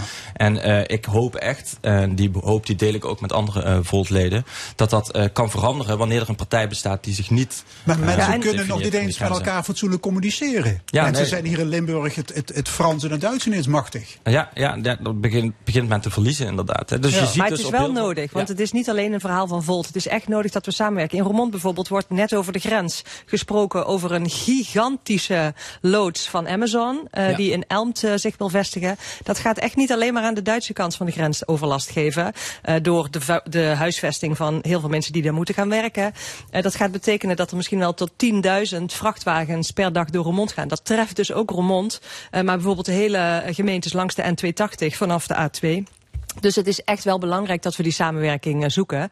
Eh, omdat gewoon de wereld steeds meer globaliseert. En eh, wij als mensen steeds meer gebruik maken van diensten Nee, die zich in Duitsland bevinden of in het, België. het taalprobleem, heel simpel. Is dat geen obstakel? Ik merk met mijn collega's aan de Duitse kant, de kant van de grens, dat dat geen enkel probleem oplevert. We kunnen vaak in het Limburg spreken, dat verstaan zij. Zij kunnen Duits spreken, wij verstaan hen. En we kunnen altijd overstappen op het Engels. Ik zie daar geen probleem. Jules Oortjes, vertel eens in het Frans, in één minuut, hoe het openbaar vervoer in de EU-regio verbeterd moet worden. Nou ja, daar eh, neem ik snel afstand van, van die, eh, van die uitdaging. Kijk, maar kijk, u, daar krijgt- heb- daar u, u wel een enorm groot probleem aan. Hè. We merken het ook binnen Volt. Eh, we merken dat de millennials, om het maar even zo te zeggen, eh, tussen Luik en Maastricht, die communiceren ehm, eh, moeiteloos in het Engels. En je merkt dat, eh, even tussen aanhalingstekens, de babyboomers goed in het Frans onderweg kunnen. Maar je merkt dat die generatie daartussenin, die generatie X, die valt eigenlijk vaak tussen eh, wal en schip. En die kunnen eigenlijk beide niet goed eh, communiceren. Dus taalonderwijs stond natuurlijk ook wel heel prominent in ons partijprogramma. Is ook een ontzettend belangrijke in een grensregio. Goed, terug naar Roermond. Ehm, daar is een coalitie gesmeed van de Liberale Volkspartij, de VVD, GroenLinks en PvdA. Jullie hebben nooit een blokkade opgeworpen tegen Jos van Rij als wethouder? We hebben nooit een blokkade opgeworpen tegen de Liberale Volkspartij. Ehm, En waarom niet? Eh, omdat eh, in Roermond eh, blijkbaar ook nu weer een derde stemt op de Liberale Volkspartij. Ja. Goed, dus het is wat aanmatigend om daarvan elf- te zeggen. Nee, maar de vraag ging over Van Rij specifiek. Nou, wij hebben in het coalitieonderhandelingsproces duidelijke afspraken gemaakt waarvan wij vinden dat wethouders zich moeten houden, waar de raad zich aan moet houden, waar het college zich aan moet houden. En binnen die regels opereren wij. En in die zin is er geen beletsel. U moet als fractievoorzitter het college kritisch volgen. Ehm, wat doet u als er straks collegebesluiten op tafel liggen waar uw linkse hart, zal ik maar zeggen, niet sneller van gaat kloppen? Nou, Wat dan zal ik, eh, en dat is het politieke métier wat eh, ik langzaam aan het leren ben. Eh, ik heb nu al geleerd in dat eerste half jaar dat het niet gebeurt in die raad. Het gebeurt echt in de periode daar voorafgaand. Dus dat vraagt heel veel overleg binnen wat de coalitie. u de periode daaraan vooraf? Nou, dat je dus op het moment dat een besluit voorbereid wordt, dat dat de periode is om je invloed uit te oefenen. Eh, dus dus je, de raad dient eigenlijk. ja, zeker wel is de raad van belang in eh, de besluitvorming. Maar de leden van de gemeenteraad hebben hun voelhorens in de hele eh um, Roermondse maatschappij, maar breder natuurlijk ook, eh, eh, openstaan. Dus in de Eh, die raad is het eigenlijk maar een hamerstuk. Het gaat, je moet erbij zijn nou ja, in je het hebt, proces commissie, je hebt commissies eh, waar heel veel eh, besproken wordt. Eh, daarin wordt vaak besloten, nou, we hebben de discussie met elkaar eh, goed gevoerd. Eh, we vinden dat eh, zaken voldoende terugkomen. We vinden het een hamerstuk eh, voor de raad. Dat is absoluut eh, een realiteit. Maar ik heb wel echt geleerd dat je, je werk als raadslid, eh, je, je impact eh, op besluitvorming zit vooral in de voorbereiding en niet op het moment dat je de hamer klapt. Ochtends, valt, herkenbaar? Aan de ene kant wel. Eh het is op ons ook wel eens eh, gebeurd dat wij echt tijdens een raadsvergadering beseffen van... hé, hey, daar komen wel hele interessante argumenten naar buiten. We gaan er eens nog eens naar kijken. Ehm, maar het klopt natuurlijk wel dat eh, het, het gesprek met de burgers... zich natuurlijk al van tevoren heeft plaatsgevonden. En voor Volt specifiek, aan de ene kant hebben wij natuurlijk gewoon heel veel stemmen gekregen... van echte Maastrichtenaren. Maar grote uitdaging van Volt is dat wij ook heel veel stemmen hebben gekregen... van internationals die niet zomaar... Expats, ehm, eh, ehm, buitenlandse studenten. ja, ja, die niet zomaar eh, toegang krijgen tot eh, die- lokale politiek. eh, puur en alleen om die taal natuurlijk. Dus wij hebben ook een letterlijke en een figuurlijke vertaalslag te doen. Ja, jullie kwamen met, met twee van de 39 zetels ook in de coalitie Klopt. terecht. Hè? 5% van de stemmen. Ja. Kun je als splinter en als debutant niet beter in de oppositie gaan zitten? Nou, wat wij eigenlijk al heel snel merkten. Ten eerste bij Lita eigenlijk vanaf het begin eh, horen. Toen eh, de eerste eh, coalitieplannen daar waren. met onder andere GroenLinks. Dat wij daar heel positief tegenover stonden. Dus wij gingen er eigenlijk ook niet meer van uit. Dat wij zouden worden uitgenodigd voor een coalitie. En op een gegeven moment gebeurde dat wel. Toen zijn we daar heel voorzichtig ingestapt.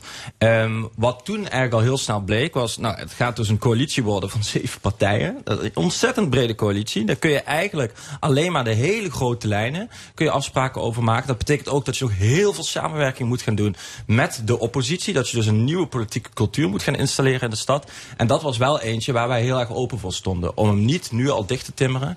En om eh, eigenlijk samen die verantwoordelijkheid te gaan delen voor, eh, voor de lange termijn. Zijn jullie niet bang dat jullie over 3,5 jaar de rekening krijgen gepresenteerd van de kiezers? Eh, dat mag altijd. Eh, maar hopelijk valt die rekening dan positief uit. Omdat we hebben laten zien in die eh, vier jaar dat we er zitten. dat we echt toe doen. En dat we daadwerkelijk verbeteringen kunnen doorvoeren. Voor al die mensen die vandaag al in jullie discussies over tafel zijn gekomen. De groepen die het moeilijk hebben. Ja, ja ik, ik, kijk, ik begrijp dat er een, een angst eh, eh, eerder bestond om een coalitie niet in te gaan. eh, omdat je dan een akkoord moet gaan dichttimmeren. En omdat je dan hele rare dingen moet gaan uitleggen naar je stemmers toe. Maar we zijn na- uiteindelijk nu bij een politiek landschap aangekomen in Maastricht. Waar samenwerking tussen verschillende partijen steeds belangrijker wordt. Of je nu in de oppositie zit of in de coalitie. Het wordt steeds moeilijker. Dus er zijn ook steeds meer uitdagingen daarin. En ik denk dat dat verhaal ook heel duidelijk alles aangekomen bij Ja. Maastrichtenaren. Maastricht is een studentenstad. En toch is de seniorenpartij de allergrootste. Ja. Hoe bijzonder is dat? Nou, kijk, ik, wil, eh, ik wil niet de mascotte spelen van de seniorenpartij. Maar de seniorenpartij heeft ook wel eh, een hele eh, studentenvriendelijk beleid voor ogen. Het is geen partij die zegt, we staan alleen maar voor de ouderen. Ik heb er uiteraard zelf niet op gestemd. Maar ik zie het wel als een positieve toevoeging aan de stad. Het is wel een partij die bruggen probeert te bouwen. Tussen, Ja, tussen we hadden het met Jo van den Berg over de versplintering, onder Ja. andere in de politiek. De Raad in Maastricht bestaat uit 16 fracties. Ja. In Roermond tel ik er 9. Klopt. Dat is een behoorlijke versplintering. Hè? Ja. Hoe, hoe werkbaar is dat? Dat is best on- lastig. Of onwerkbaar? Dat is best lastig. Eh, het presidium, hè, de, de, het, het overleg van de burgemeester met eh, de fractievoorzitters, bestaat uit tien personen. En daar is echt niet altijd iedereen het met elkaar eens. Tegelijkertijd heb je daardoor wel volgens mij de juiste discussies waarvan de mensen op straat ook vinden dat ze in die politiek gevoerd moeten worden. Eh, dus het, het maakt de besluitvorming absoluut lastiger. Tegelijkertijd ehm, is het wel eh, het goede gesprek voeren. Mhm. Ja, en ik wilde ook wel, kijk, ik ben het helemaal met jou eens. En ehm, ook een beetje een kritisch punt naar wat eh, Van den Berg eerder zei in, eh, in deze uitzending. Ik weet niet zeker of die eh, fragmentatie nou echt zorgt voor meer polarisatie. Kijk naar een land als Amerika, waar je echt maar keuze hebt tussen twee partijen. Zorgt er niet echt voor eh, dat die politiek meer verbonden wordt. Of Dus dat er geen kan- polarisatie Nee, is. Dat precies, zei ik ook precies. tegen hem tijdens de reclame en de nieuws. Maar goed, hij is er niet meer om te reageren. Hey, nog één ding. De opkomst in maart was eh, weer lager. Ja. Roermond Roermond 47% Maastricht 45% Voor de verkiezingen is er altijd heel veel over te doen. Daarna hoor je er nooit meer iemand over. Wordt daar geen werk van gemaakt? Nou, in Roermond eh, kwam daar nog bij dat wij eh, op de avond van de verkiezingen, dat wij bij die Griek zaten, een telefoontje kregen van Lin, je moet eh, voordat de verkiezingsavond begint nog even zorgen dat je aansluit bij een overleg, want de burgemeester heeft iets belangrijks te zeggen. Er zou het namelijk geronseld zijn, hè? er zou fraude gepleegd zijn bij de stemmingen. Ja, dat helpt natuurlijk niet om dat cijfer omhoog te krijgen. Dus in Roermond is het echt wel onderwerp van gesprek.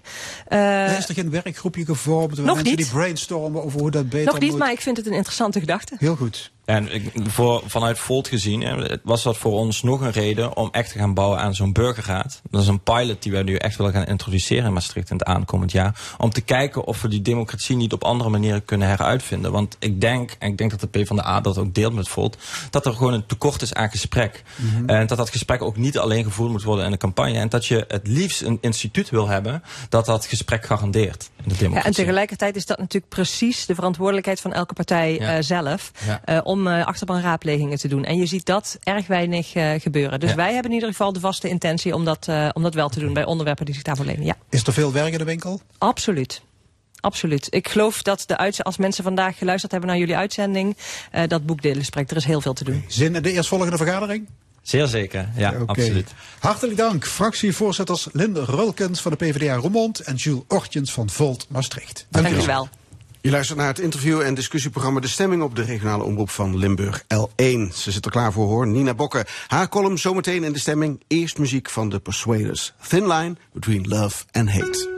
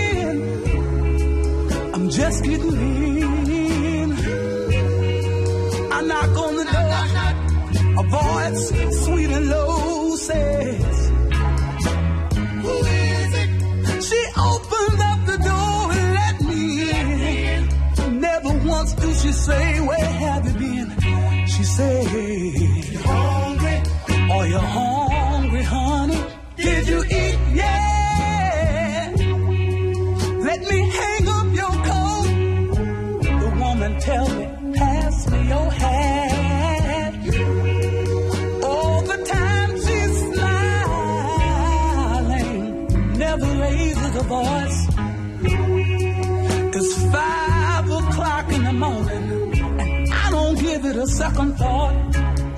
It's a thin line between love and hate. Don't think you can keep breaking your woman's heart. Between love and hate. And she'll sit back and enjoy it. It's a thin Yes,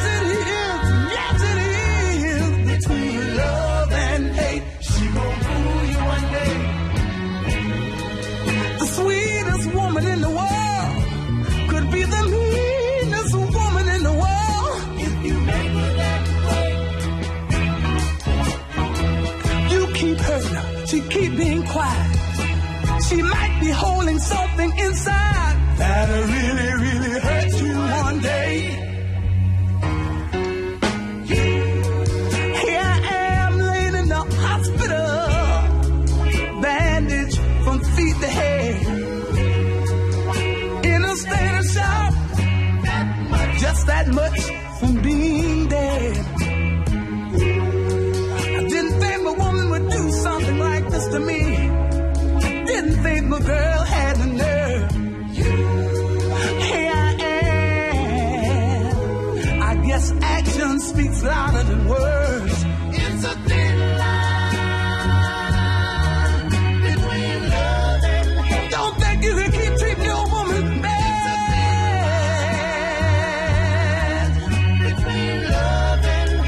won't ever get mad. It's a thin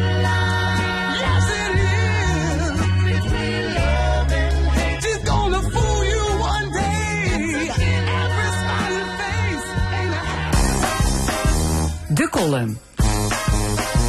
Vandaag met Nina Bokken. Als ik in de 70 ben, mag ik met pensioen. Maar er zijn ook mensen die dan pas beginnen met werken. Prins, ik bedoel koning Charles bijvoorbeeld. Het gezegde over de doden niets dan goeds heb ik nooit begrepen. Ik vind het juist een goed moment om te evalueren. Een baken van stabiliteit, dat zal ze vast zijn geweest. Zoals voor Prins Andrew, die de dans ontsprong na zijn escapades in het sekscircus van Jeffrey Epstein. De Queen betaalde 2 miljoen pond mee aan de schikking van zo'n lief om hem uit de bak te houden. Want dat kan met veel geld, zoals alles kan met veel geld. Ook hier in Nederland worden mensen met meer geld minder zwaar gestraft. Bijvoorbeeld voor een verkeersboete. Voor iemand in box 3 is door rood rijden een kleine luxe investering, maar voor mij een aderlating. Maar de kloof tussen het voetvolk en de welgestelden wordt nog groter en in razend tempo. Deze week het bericht dat bepaalde zorg uit het basispakket verdwijnt om op die manier de patiënteninstroom te beperken. Om de zorg te ontlasten. Niet meer personeel, nee, minder patiënten helpen. Bij de asielcrisis doen ze het dan weer andersom. De instroom blijft maar komen en achteraf wordt gekeken hoe het moet, geregeld moet worden. Maar oh wee als je buiten slapers komt helpen met een tentje. De overheid helpt niet, dus u al helemaal niet. Een gemiddeld huishouden is de ene helft van het inkomen kwijt aan woonlasten en de andere helft aan gas en boodschappen. Ondertussen cashen multinationals met behulp van de crisis als nooit tevoren.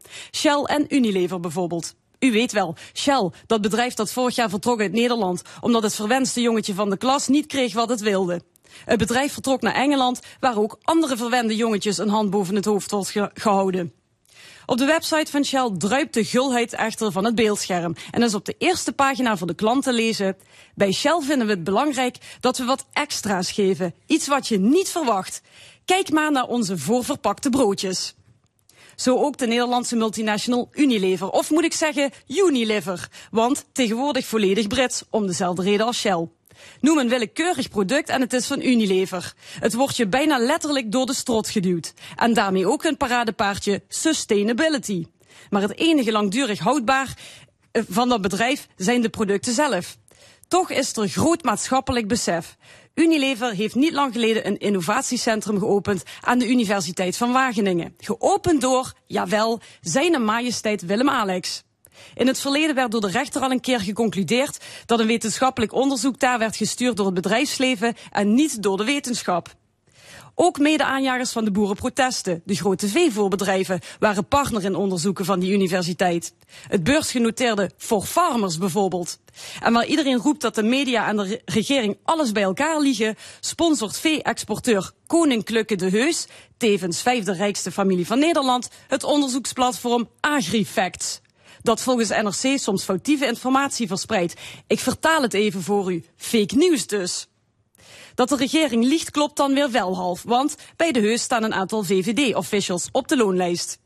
Ik weet even niet of we nu in een aristocratie of in een agristocratie leven, maar één ding is duidelijk. Koninklijke zaken bieden voor maar één groep stabiliteit, namelijk voor henzelf. De column was dat van Nina Bokken. We gaan verder in de stemming met een onze discussiepanels. Vandaag over de recordinflatie, over minder zondagsmissen en de toestroom van buitenlandse studenten. Ik heet van harte welkom ex-VVD Tweede Kamerlid Kelly Rechterschots, voormalig CDA Limburg-voorzitter Karen Leunissen en communicatieadviseur Geert van der Vast. Welkom alle drie. Zeker de helft van de ambachtelijke bakkers in ons land staat op omvallen. Hun energierekening is in korte tijd vertienvoudigd in vergelijking tot twee jaar geleden. Ook industriële bakkers, goed voor 85% van eh, de broodproductie in ons land, die voelen de pijn. Dus een van de basisproducten in onze dagelijkse voedselbehoeften loopt gevaar. Kelly Rechterschot, ladies first. Hebben we hier te maken met een economische realiteit en moeten we het maar laten gaan of moeten we worden ingegrepen? Nee, ik denk dat we met elkaar allemaal wel realiseren dat we hier op een ingreep zitten te wachten. Gisteravond nog bij Nieuwsuur was het ook weer heel duidelijk uh, onderwerp van gesprek.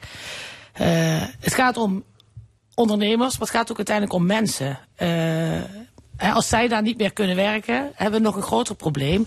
En op het moment dat je thuis komt, heb je dan ook weer dat probleem van die gasprijzen. Dus ik denk dat dat gewoon... Je ziet het in alles terug. Sinds kort werk ik bij een woningcorporatie en verbouwen we en onderhouden we uh, de woningen. De glasprijzen uh, reizen de pannen uit en niemand kan er wat aan doen. En wie moet dat betalen? Dat is eigenlijk uh, de grote vraag die hier echt voor ligt. Ja, de vraag is inderdaad, hoe gaan we dit oplossen? Ja.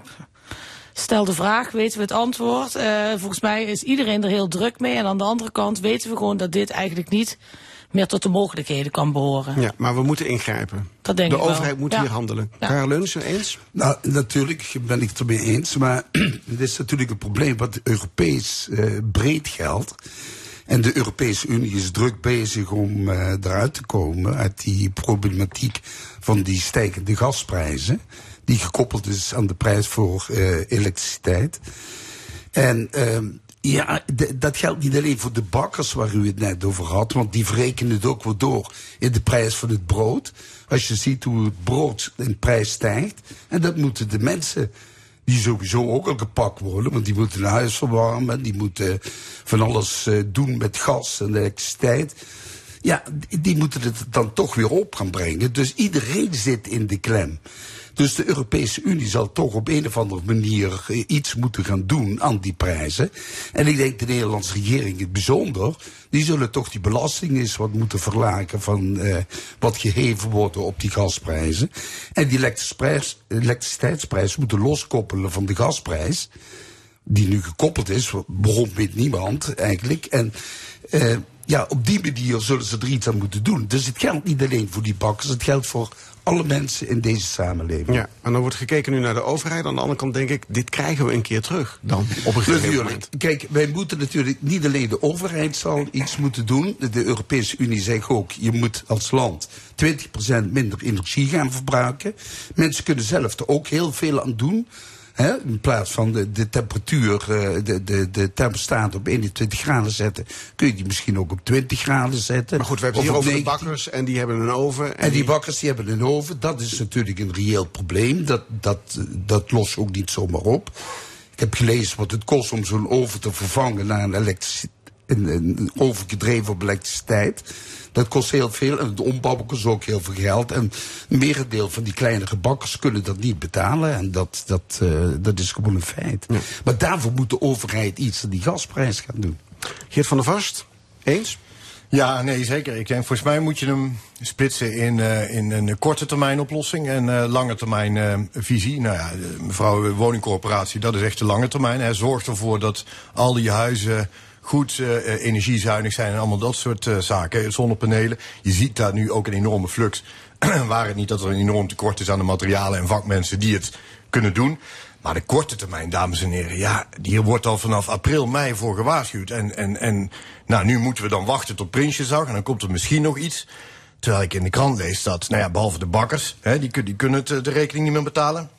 Er stond in NRC een verhaal van mevrouw die zei, ja, wordt het, een jongen van 11 was flauwgevallen omdat hij in het weekend niet gegeten had.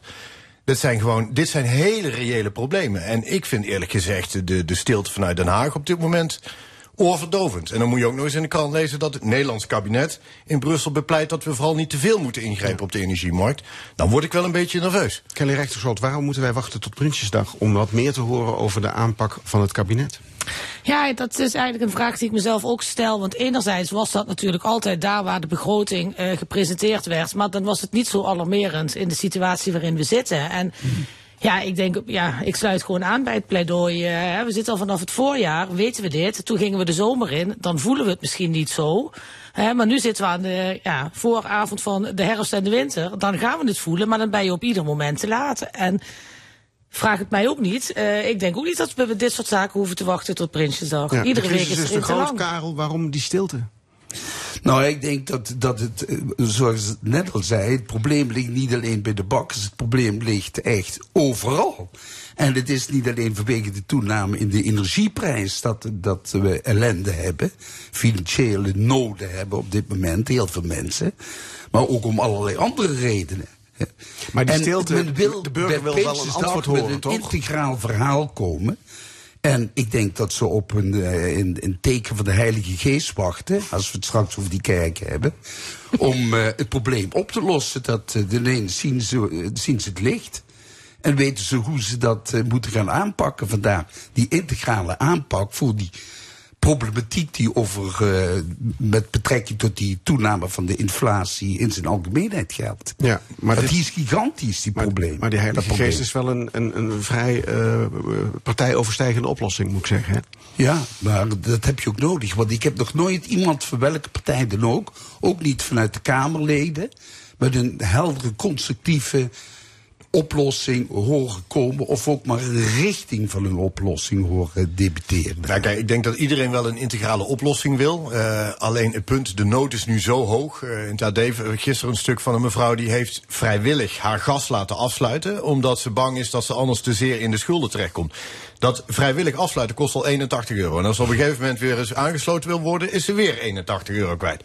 Ja, die mensen, die had je eigenlijk al lang het comfort moeten bieden van mevrouw.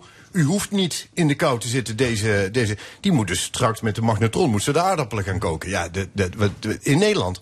Ja. We be- begonnen met de, de bakkers, hè, Ja. waarvan de helft misschien eh, straks niet meer bestaat, faillissement dreigt. Ja. Wat, wat vond je ervan, Geert, toen je dat nieuws hoorde van die, van die bakkers? Ja, ik vind dat. Ik, het is natuurlijk dat. En dan kom je dus echt in een bredere tendens. Daar moet ik wel aansluiten bij, mijn, eh, bij de vorige sprekers. Is dat je eh, met name de kleine ondernemers. Hè, die hebben het heel erg zwaar. Die hebben eigenlijk dezelfde problemen als de huishoudens. eh, zoals u en ik. Ja, de cafetaria's, de cafetaria's, Ja. weet ik veel. Terwijl de hele grote corporates. Ja, het was net in de columns. Maar het klopt wel een beetje. Zegt de Unilevers en de Aholds en van deze wereld. Ja, die hebben toch echt wel minder te lijden. Want die kunnen natuurlijk speciale afspraken maken. Die hebben grote contracten, noem het allemaal op. Eh, en de, de, de kleine bakker, ja, eh, als je kijkt naar wat een, het verschil in prijs tussen een brood bij de bakker, wat echt wel aanzienlijk lekkerder is, en een brood eh, bij, de, bij de supermarkt, dat is echt enorm. Ja, je kunt ook zelf een brood bakken. Dat zou nog kunnen, als ik dat zou kunnen, maar dat uh, ik Maar niemand aan. maakt deze crisis niet één ding duidelijk dat er iets met de economische organisatie van ons land fundamenteel mis is, Kelly Rechterschot? Ik denk dat je daar wel de kern raakt van hoe we de zaken zijn aan het oplossen zijn geweest. eh, denk ik ook in de afgelopen jaren. En als we op die manier doorgaan, zie je dus dat dit soort zaken zich voordoen. Want die bakker die in de knel komt in zijn bedrijfsvoering, die komt thuis. En die heeft het daar ook niet breed. En dat blijkt dus ook, en dat is dus waar ik ook aansluit. Ja, hè, we zijn het lekker eens, maar eh, dat lost ook nog niks op. Maar daar zie je dus gewoon dat ook die mensen waarvan we altijd dachten, de ondernemer, die redt zich wel en die ontstijgt ook. Hè, die kan goed voor zichzelf zorgen, goed voor zijn naasten zorgen. Maar dat is ook al niet meer het geval. En daar komen we met z'n allen in de knel in een toch wel ja, solidariteitsgedachte die we in Nederland altijd hadden. We dragen bij om het ook de mensen die het minder hebben goed te laten hebben. Maar als we met steeds minder mensen worden die die bijdrage kunnen leveren, überhaupt hè, willen is al denk ik geen optie meer, maar überhaupt niet meer kunnen leveren, dan kan je dat ook niet meer opbrengen voor heel Nederland. En dat is denk ik wel een basisgedachte. Ja, maar moeten we niet gewoon zorgen dat we onze boontjes zelf kunnen doppen, Karel? Nou, wie is wij? Eh, Gewoon Nederland. Ja, Nederland. Zorg dat je economie zodanig in elkaar zit. Nee, maar zorg dat je economie zodanig in elkaar zit dat je niet afhankelijk bent van gas van buiten, van eh graan Ja, van dat, buiten. dat is achteraf makkelijk praten. Men Nou ja. kon toen der tijd eh, heel goedkoop gas krijgen vanuit Rusland. En eh er was de gedachte vanuit Duitsland, met name van Merkel, van laten we Rusland economisch een beetje bij Europa betrekken. Dan houden we een beetje eh, die, die, die strijd van de, de oude Koude Oorlog een beetje onder, onder het, eh, tapijt. Maar dat is niet gelukt. En nu zitten ze met de problemen. Maar er zijn heel veel mensen die al gewaarschuwd hebben. Zorg nou dat je je eigen energie opwekt. Maar als je dan ziet hoe men. eh, hoe lang praten we al over duurzame energie? Dat gaat zo verdomde traag. En het wordt net gezegd, je kunt wel eh, zonnepanelen aanschaffen, maar die worden gewoon niet op het net aangesloten. Het net is niet capabel om die, die elektriciteit, die, die capaciteit te leveren, om al die stroom op te nemen en op te slaan. Dus we zijn er helemaal niet op voorbereid, ook nog niet op het stoppen van eh, de gastoevoer vanuit Rusland of van waar dan ook. Goed, we gaan naar een ander thema. In de kerk hoeft niet per se iedere zondag een mis te worden opgedragen. Dat heeft het bisdom Roermond bepaald.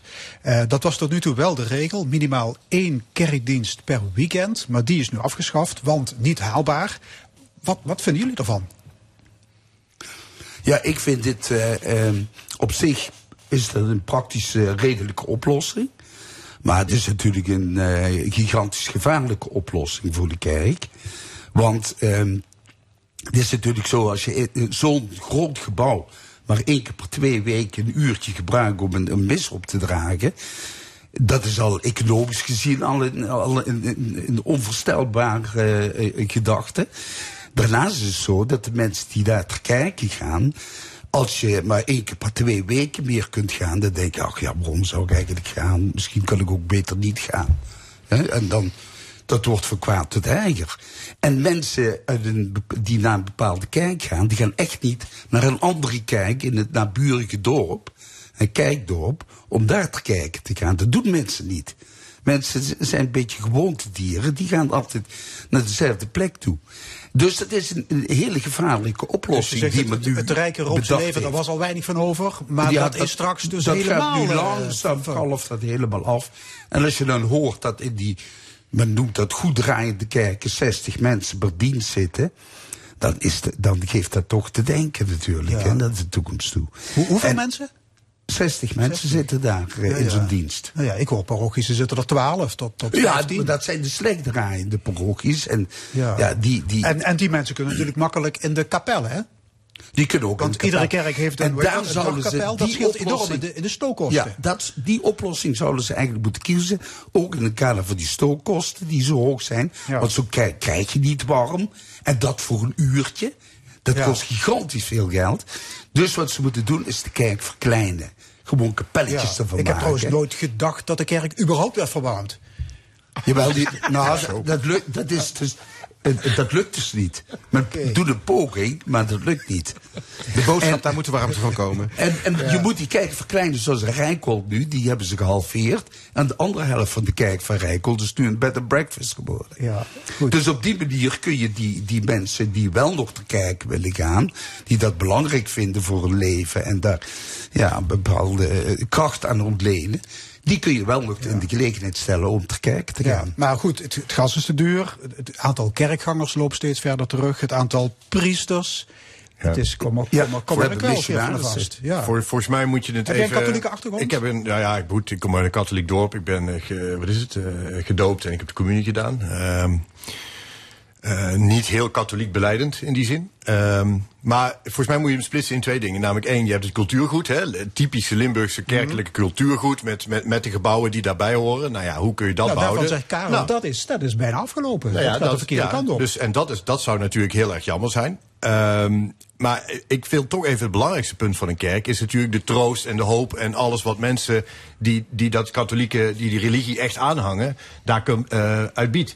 En dan denk ik, volgens mij kun je als kerk ook best een beetje creatief zijn met bijvoorbeeld, en volgens mij gebeurt dat ook al hoor, eh, naar, naar, naar de plekken toe gaan waar de mensen zijn. Dus ik kan me zo voorstellen dat priesters, pastoors ook de, de bejaardenhuizen bezoeken of naar met culturele centra.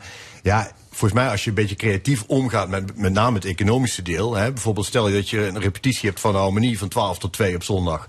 Waarom zou je dan niet van 10 tot 12 in diezelfde ruimte eerst een dienst kunnen hebben. Ja, ik weet niet of dat een, een gewijde ruimte moet zijn. Maar eh, je kunt daar best een beetje creatief mee omgaan. In de zin van hoe kun je nou toch voor zorgen dat mensen die, die behoefte aan die troost en die hoop hebben. Dat je die toch kunt bieden zonder dat je vastzit aan een ja, gebouw van eh, dat je eigenlijk niet warm krijgt. Ja. En ook voor eh, doopsels en eh, begrafenissen. En, eh, Ah, maar zo'n kerk moet natuurlijk wel een beetje het sfeer hebben. ja, ja. Als jij in een harmoniezaal gaat zitten, de- het vroegere patronaat zoals dat heette. Nou, dat, dat is niet te doen. Ik vind het sowieso al verschrikkelijk om daar te zitten, al, al speelt daar een harmonie. Wil wil- Dan wil ik nog niet spreken over als je daar te kijken moet gaan. Ja, kijk, ik ben dus ook helemaal ik vind, die, ellendig ik vind die zalen, die hebben voor mij dus die romantische Limburgse werking. Dat Ja, typische zaaltje met waar die dan die repetitie plaatsvindt. Ik vind dat mooi. Ja. Kelly Rechterschoot, heb jij iets met het onderwerp of met het geloof of met kerkgang? Ja, kijk, eh, of- aan mij gaat er niks, in mijn planning gaat er niks verloren door of ik dat nou door de week of in het weekend moet doen. Want ik ga inderdaad niet meer eh, regelmatig naar de kerk. Eh, ik denk, wat ik ervan vond, is de kerk heeft volgens mij gewoon een slag gemist in vooruitdenken wat er allemaal ging gebeuren. We zagen natuurlijk al het aantal mensen dat de kerk regelmatig bezoekt teruglopen. Eh, ook eh, het gehalte ouderen binnen die groep is natuurlijk ook hoog. Dus je weet ook eh, wat dat dan betekent. Maar aan de andere kant, als je er nu achter komt dat we ook wat weinig pastoors, priesters, kapelaans en, hebben, dan denk ik, ja, dan weet je dat dit eraan zat te komen. En ik denk ook van dat het ook. Eh, vroeger gingen we naar de kerk en gingen we eigenlijk naar het geloof toe. En nu zou het misschien zo moeten zijn dat het geloof wat meer naar jou toe komt. Of je wat meer uitnodigt in de ruimtes, daar waar het al gebeurt. Dus dat, dat sluit ik ook heel erg bij aan. En aan de andere kant snap ik dat gevoel van als je je kind wil laten dopen of dat je de, de communie doet, dat je dat in die kerk wil doen. Maar dat hangt dan samen, denk ik, met gewoon een festiviteit die je ook groter zou kunnen maken. Ik denk dat het toch wat. Ja, we ervaren nu gevolgen van iets waar misschien nog niet aan de voorkant heel goed al over nagedacht had kunnen worden. Je ziet het ook gewoon in het behoud van al die kerken. We weten dat dit niet meer te onderhouden, te stoken en te schilderen is. Um, nou ja, maak er een bed and breakfast van voor een gedeelte. En hou dan in, uh, hè, in een klein gedeelte van de kerk kan je prima die functie dan ook nog gewoon inbedden. Het heeft ook nog een charme, denk ik, Ja. voor de toerist. Kijk, de, Lim- de Limburger in een hoofdartikel... er liggen kansen voor de kerkleiding om nieuwe wegen in te slaan. En dan, dan dat, dit, dit, soort, dit Ja. soort dingen? Ja, Bed and breakfast. en- Kijk, we willen die gebouwen willen behouden in het Limburgse hè, de, de cultuur, wat is het landschap. Ehm, dan moet je nadenken over misschien nieuwe, nieuwe bestemmingen voor die, voor die gebouwen. En anderzijds, wat ik net zei, zorg wel dat die, die, die, die- de- dat religieuze element aanwezig blijft, maar dan op de plek waar de mensen al zijn. Karel? Nou ja, ik heb het net gezegd, hè. Je moet die kerk moet je verkleinen, een deel behouden voor de kerkelijke activiteiten en een ander deel wijden aan dingen die nodig zijn in een bepaalde gemeente. Ik weet bijvoorbeeld dat de gemeente IJsselmarkraat nu op dit moment daarmee bezig is om met pastoors te overleggen van de verschillende kerkdorp of federaties, zoals dat nu heet. Want er werken x aantal kerkdorpen samen. En dan gaan ze overleggen wat ze met zo'n kerk, wat de bestemming is van zo'n kerk zou kunnen zijn. En voor de ene kerk is dat iets anders dan voor de andere kerk. En dat moet je samen invullen. En naar de toekomst toe op die manier het probleem zien op te lossen, denk ik. Ander onderwerp. Het kabinet wil het aantal buitenlandse studenten op Nederlandse universiteiten beperken. En dit terwijl collegevoorzitter Rianne Ledgert van de Universiteit Maastricht afgelopen week bij de opening van het academisch jaar nog fel ageerde tegen tegenstanders van de internationalisering van universiteiten. Is het jammer dat de deur voor internationale studenten op een kier gaat in plaats van wagenwijd open? Karel? Oh nee, dat, dat kan gewoon niet. Eh, kijk, wetenschap is internationaal. Hè?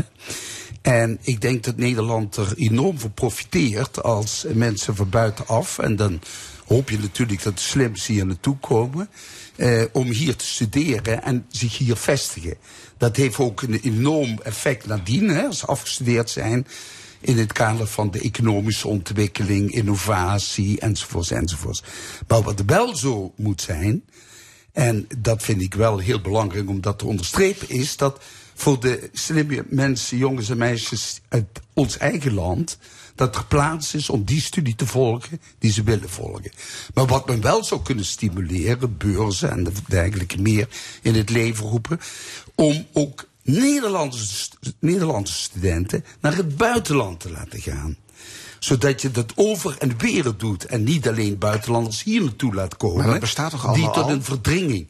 Ja, maar er gaan echt minder studenten vanuit Nederland in het buitenland studeren dan omgekeerd.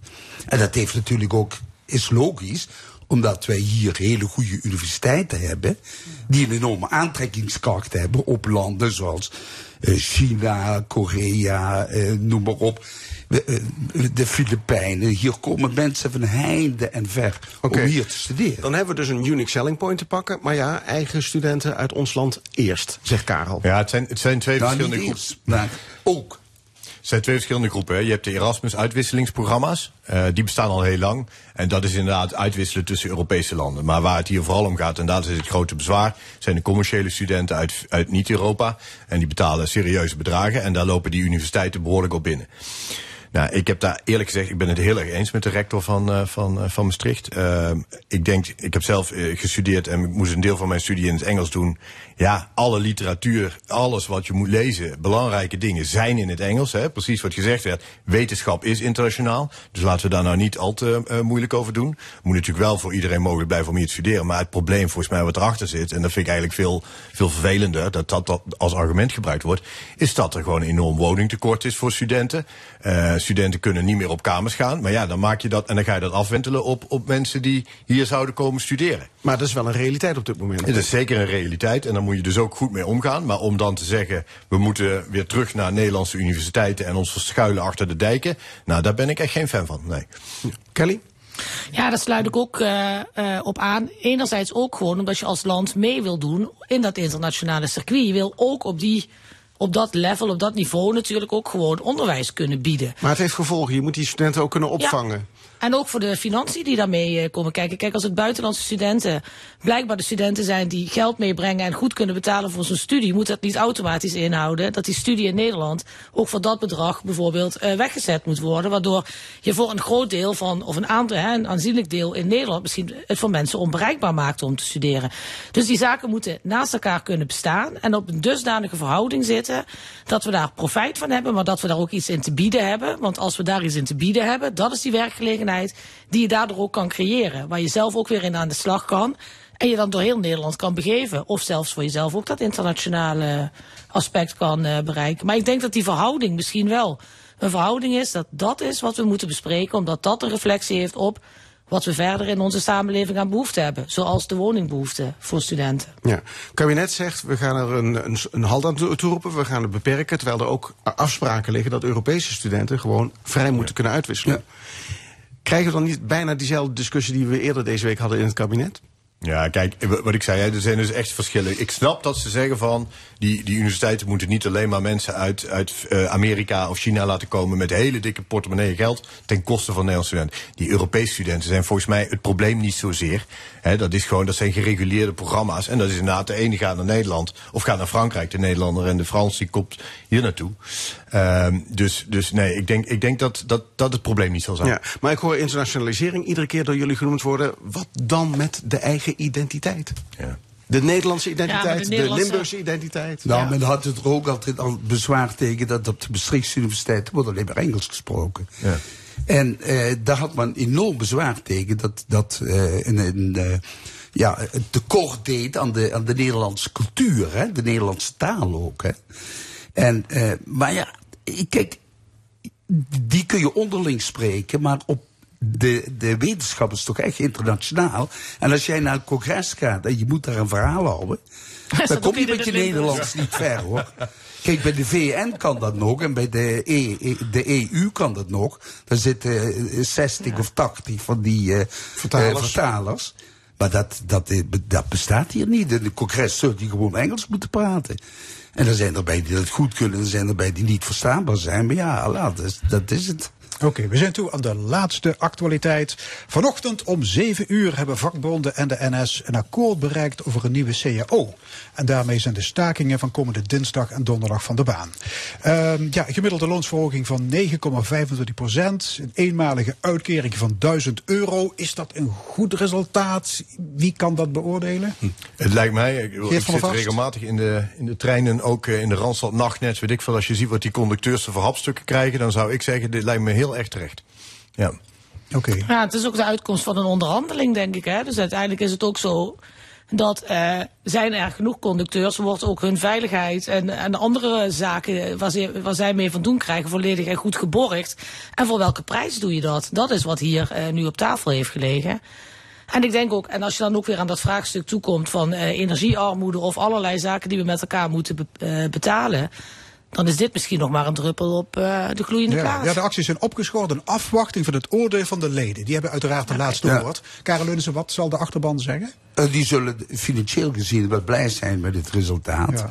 Maar laat onverlet dat nog eh, niet, geen oplossing gevonden is, of in ieder geval niet concreet aangegeven is, voor de veiligheid van de mensen in zo'n trein, zeker die nachttreinen. En voor de, de werkdruk. Hè. Precies. Men kan Want ze gewoon vinden geen dat- conducteurs vinden. Ja, ze en vinden dat de rek, de rek eruit is. Ja. Die, die werken zich het Dus- apen, apenzuur. Als ze wat meer geld krijgen, zijn ze initieel wel blij mee. Ja, maar na een maand of twee, dan denk Ja. je, mijn het, het, god. het is geen, eh, het is geen goede prikkel, die financiële prikkel. Het is op zich een goede financiële, het is een goede Maar voor het probleem van ziekteverzuim. Maar en dan zal iets gedaan voor de- moeten voor de ellende van die, die ook nog aan de, bestaan. wer- aan de werkdruk. Ja, moet worden dat moet al echt aangepakt worden.